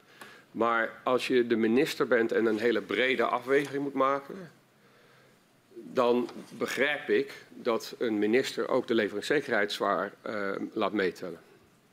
Ja, de, de, de, de, de verantwoordelijkheid uh, van de staat uh, komt op een gegeven moment uh, daar te liggen. Maar voor die tijd, hoe keek Exxon daarna? U heeft natuurlijk ook in, hè, in, in Gasterre gezeten, waar winstmaximalisatie ja. het doel was. waar de discussie al wel plaatsvond natuurlijk in het, in het veld. hoe zit het nou met die veiligheid van de Groningers? Ja, en, het, en die werd dus. Dat, ik, dan, dan neem ik u even meer terug naar 2016. en wat is dan de norm? Dus een hele ra rationele benadering. Ja. Die norm was eh, de kans op een dodelijk ongeluk van 1 tot de macht min 5 voor een individu per jaar. Ja. En daar zouden we binnen vijf jaar onder blijven. Uh, en daarmee uh, vond ook ik dat uh, niet onaanvaardbaar. Weet u, er zijn adviezen geweest, ook kort na Huizingen, ehm, waar je eigenlijk meerdere kanten mee op kon. Mm. U heeft er in uw verhoren veel aan gerefereerd. Ik herinner me een advies uit de historie um, vanuit um, van januari 2013. Um, het is nogal wat als je zou zeggen tegen de minister: het is onaanvaardbaar. We moeten stoppen. We zien dat vandaag, wat er mm. gebeurt. Uh, we hebben nu gelukkig tot op heden geen uh, crisis ten aanzien van de leveringszekerheid, maar we hebben wel een betaalbaarheidscrisis. Ja. Uh, energie wordt onbetaalbaar voor sommige mensen. Ja, ik, want ik kom er even op terug, omdat u heel expliciet zei van we willen, hè, Exxon uh, gaat niet onnodig mensen blootstellen aan risico's. Dat is precies dat punt. Hè. Als ik het helemaal normaal had kunnen vermijden. We, ja, normaal leggen we in waar dan ook leggen we het eerst stil, ja. gaan we onderzoeken. Ja. Uh, Wij hebben onze, denk ik, maatschappelijke ik, laat ik voor mezelf spreken, dat was niet mogelijk in Nederland. Omdat dat mensen letterlijk in de kou zou zetten. Ja. dan, dan, dan, is het voor een, voor een minister, maar ook voor mij persoonlijk, is het dan ook de afweging, wat is erger hier? Ja. En dat, dat, is natuurlijk heel zuur voor de Groningers om te horen. Hoe gaat dan zo'n afweging? Omdat het zo belangrijk ook is voor Exxon, dat belang van risico's uitsluiten. Nou ja, dan, dan ga je kijken van wat, wat is een aanvaardbare norm en wat vindt de Rijksoverheid dat een aanvaardbare norm is. En die 10 tot en met 5, dat was dacht ik een norm die, waarbij de, uh, de commissie Meidam zich ook aansloot bij andere uh, uh, veiligheidsrisico's in Nederland. Hmm. Um, ik ga dan even door in de tijd. 28 maart, en dan pak ik even het juiste jaartal erbij. Uh, eh, 28 maart van 2018 uh, heeft u contact met uw uh, counterpart eh, van, van Shell. Ehm, en daar ehm, blijkt uit dat u zegt, ja, het is prima om in communicado te blijven met de overheid, met de minister. Maar concrete punten maken op korte termijn, um, ja, daar wilt u eigenlijk bij wegblijven. U wilt dat in het hele pakket meenemen. Dan is mijn vraag in hoeverre spelen de belangen van gedupeerde Groningers die al lang wachten um, uh, op, op helderheid en herstel dan een rol om snelheid te maken? Nou, ik denk niet dat, dat de, de onderhandelingen over het akkoord op hoofdlijnen, dat die, dat die, voortgang uh, in meer of mindere mate in de weg stonden, mevrouw Kuik. Het, dat was die, die opmerking of observatie van mij die u citeert. Dat, dat zal, uh, vind ik zelf, uh, is dat in zijn algemeenheid verstandig. Je gaat niet akkoord met, in een soort salami-tactiek. je gaat akkoord als je over alles overeenstemming hebt. En dat hebben we ook bereikt. Ook niet als op bepaalde punten het helpt om een versterking te versnellen? Of had dat gekund? Of, of zegt u dat, dat nou ja, dat, dat, dat zie ik niet. Nou, dat, dan ben ik met, u, uh, met dat laatste ben ik het eens. Kijk, ja. die twee maanden, eind uh, maart of eind mei, uh, wat het dan uiteindelijk het overeenstemmingsresultaat of het onderhandelingsresultaat was bereikt. Dat, dat, ja, dat ja. weten we nu alle, alle helaas. Dat maakt niet veel uit op de hele versterkingsoperatie. Okay. Dan uh, tot slot uh, mijn laatste vraag uh, aan u. u gaf aan dat in een geciviliseerd en ontwikkeld land als Nederland het onnodig is om garanties te vragen. Mm -hmm. um, Exxon heeft dat nooit verzaakt. Waarom zag u garanties dan wel als een door Shell weggegeven onderhandelingspunt? Ja, vind het wel leuk dat u me uitnodigt in die onderhandelingskeuken uh, steeds te kijken. Um, ik, ik, ga daar met liefde uh, in mee hoor. Um,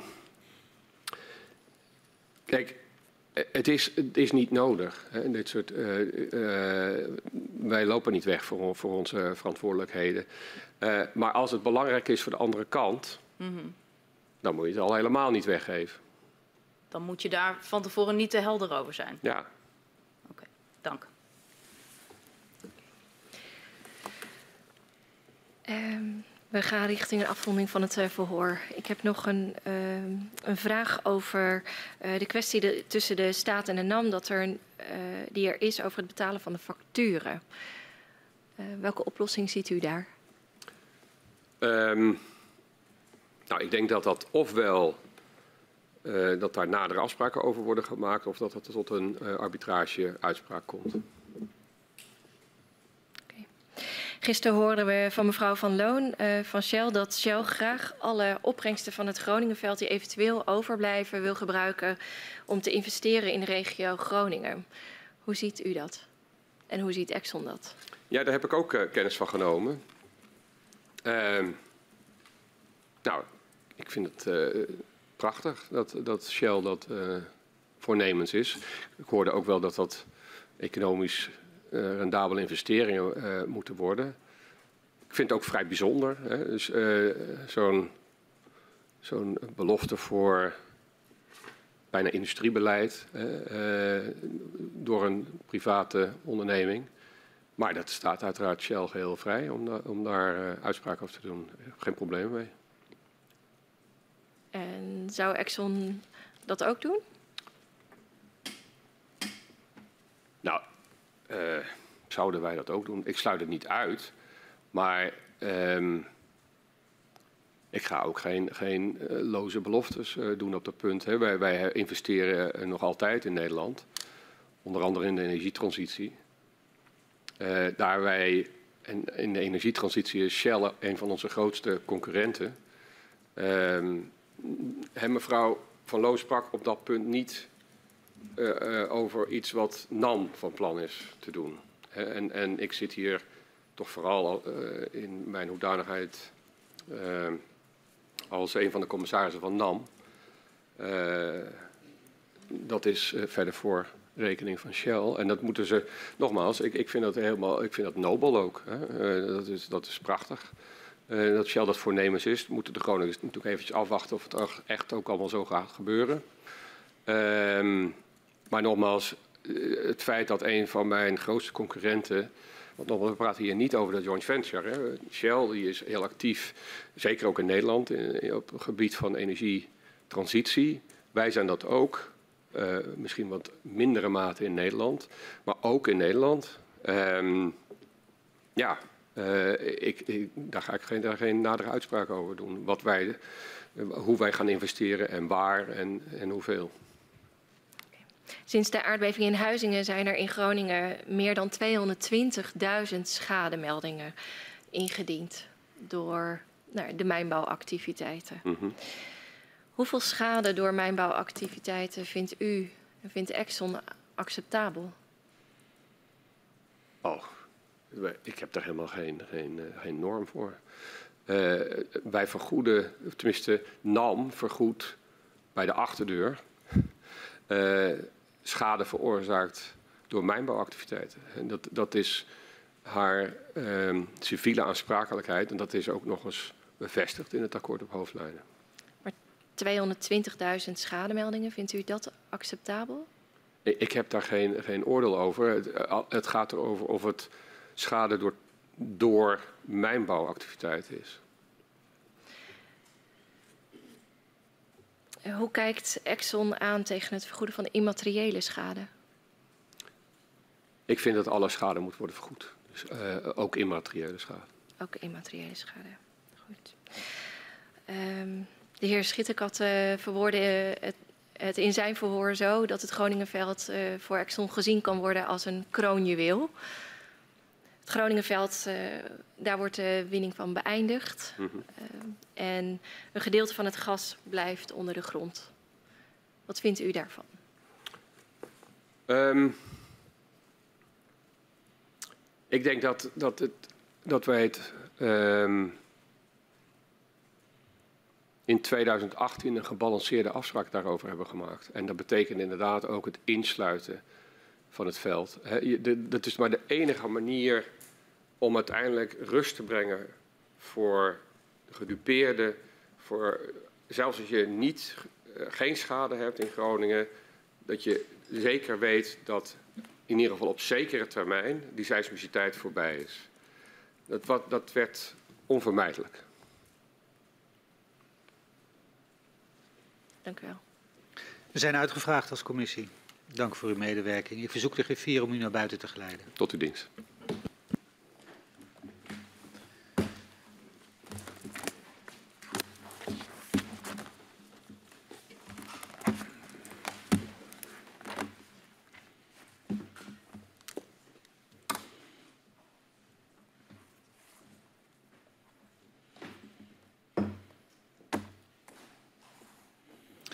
Volgende verhoor zal plaatsvinden om twee uur. En dat is met de heer Paas, de commissaris van de Koning in, eh, in Groningen.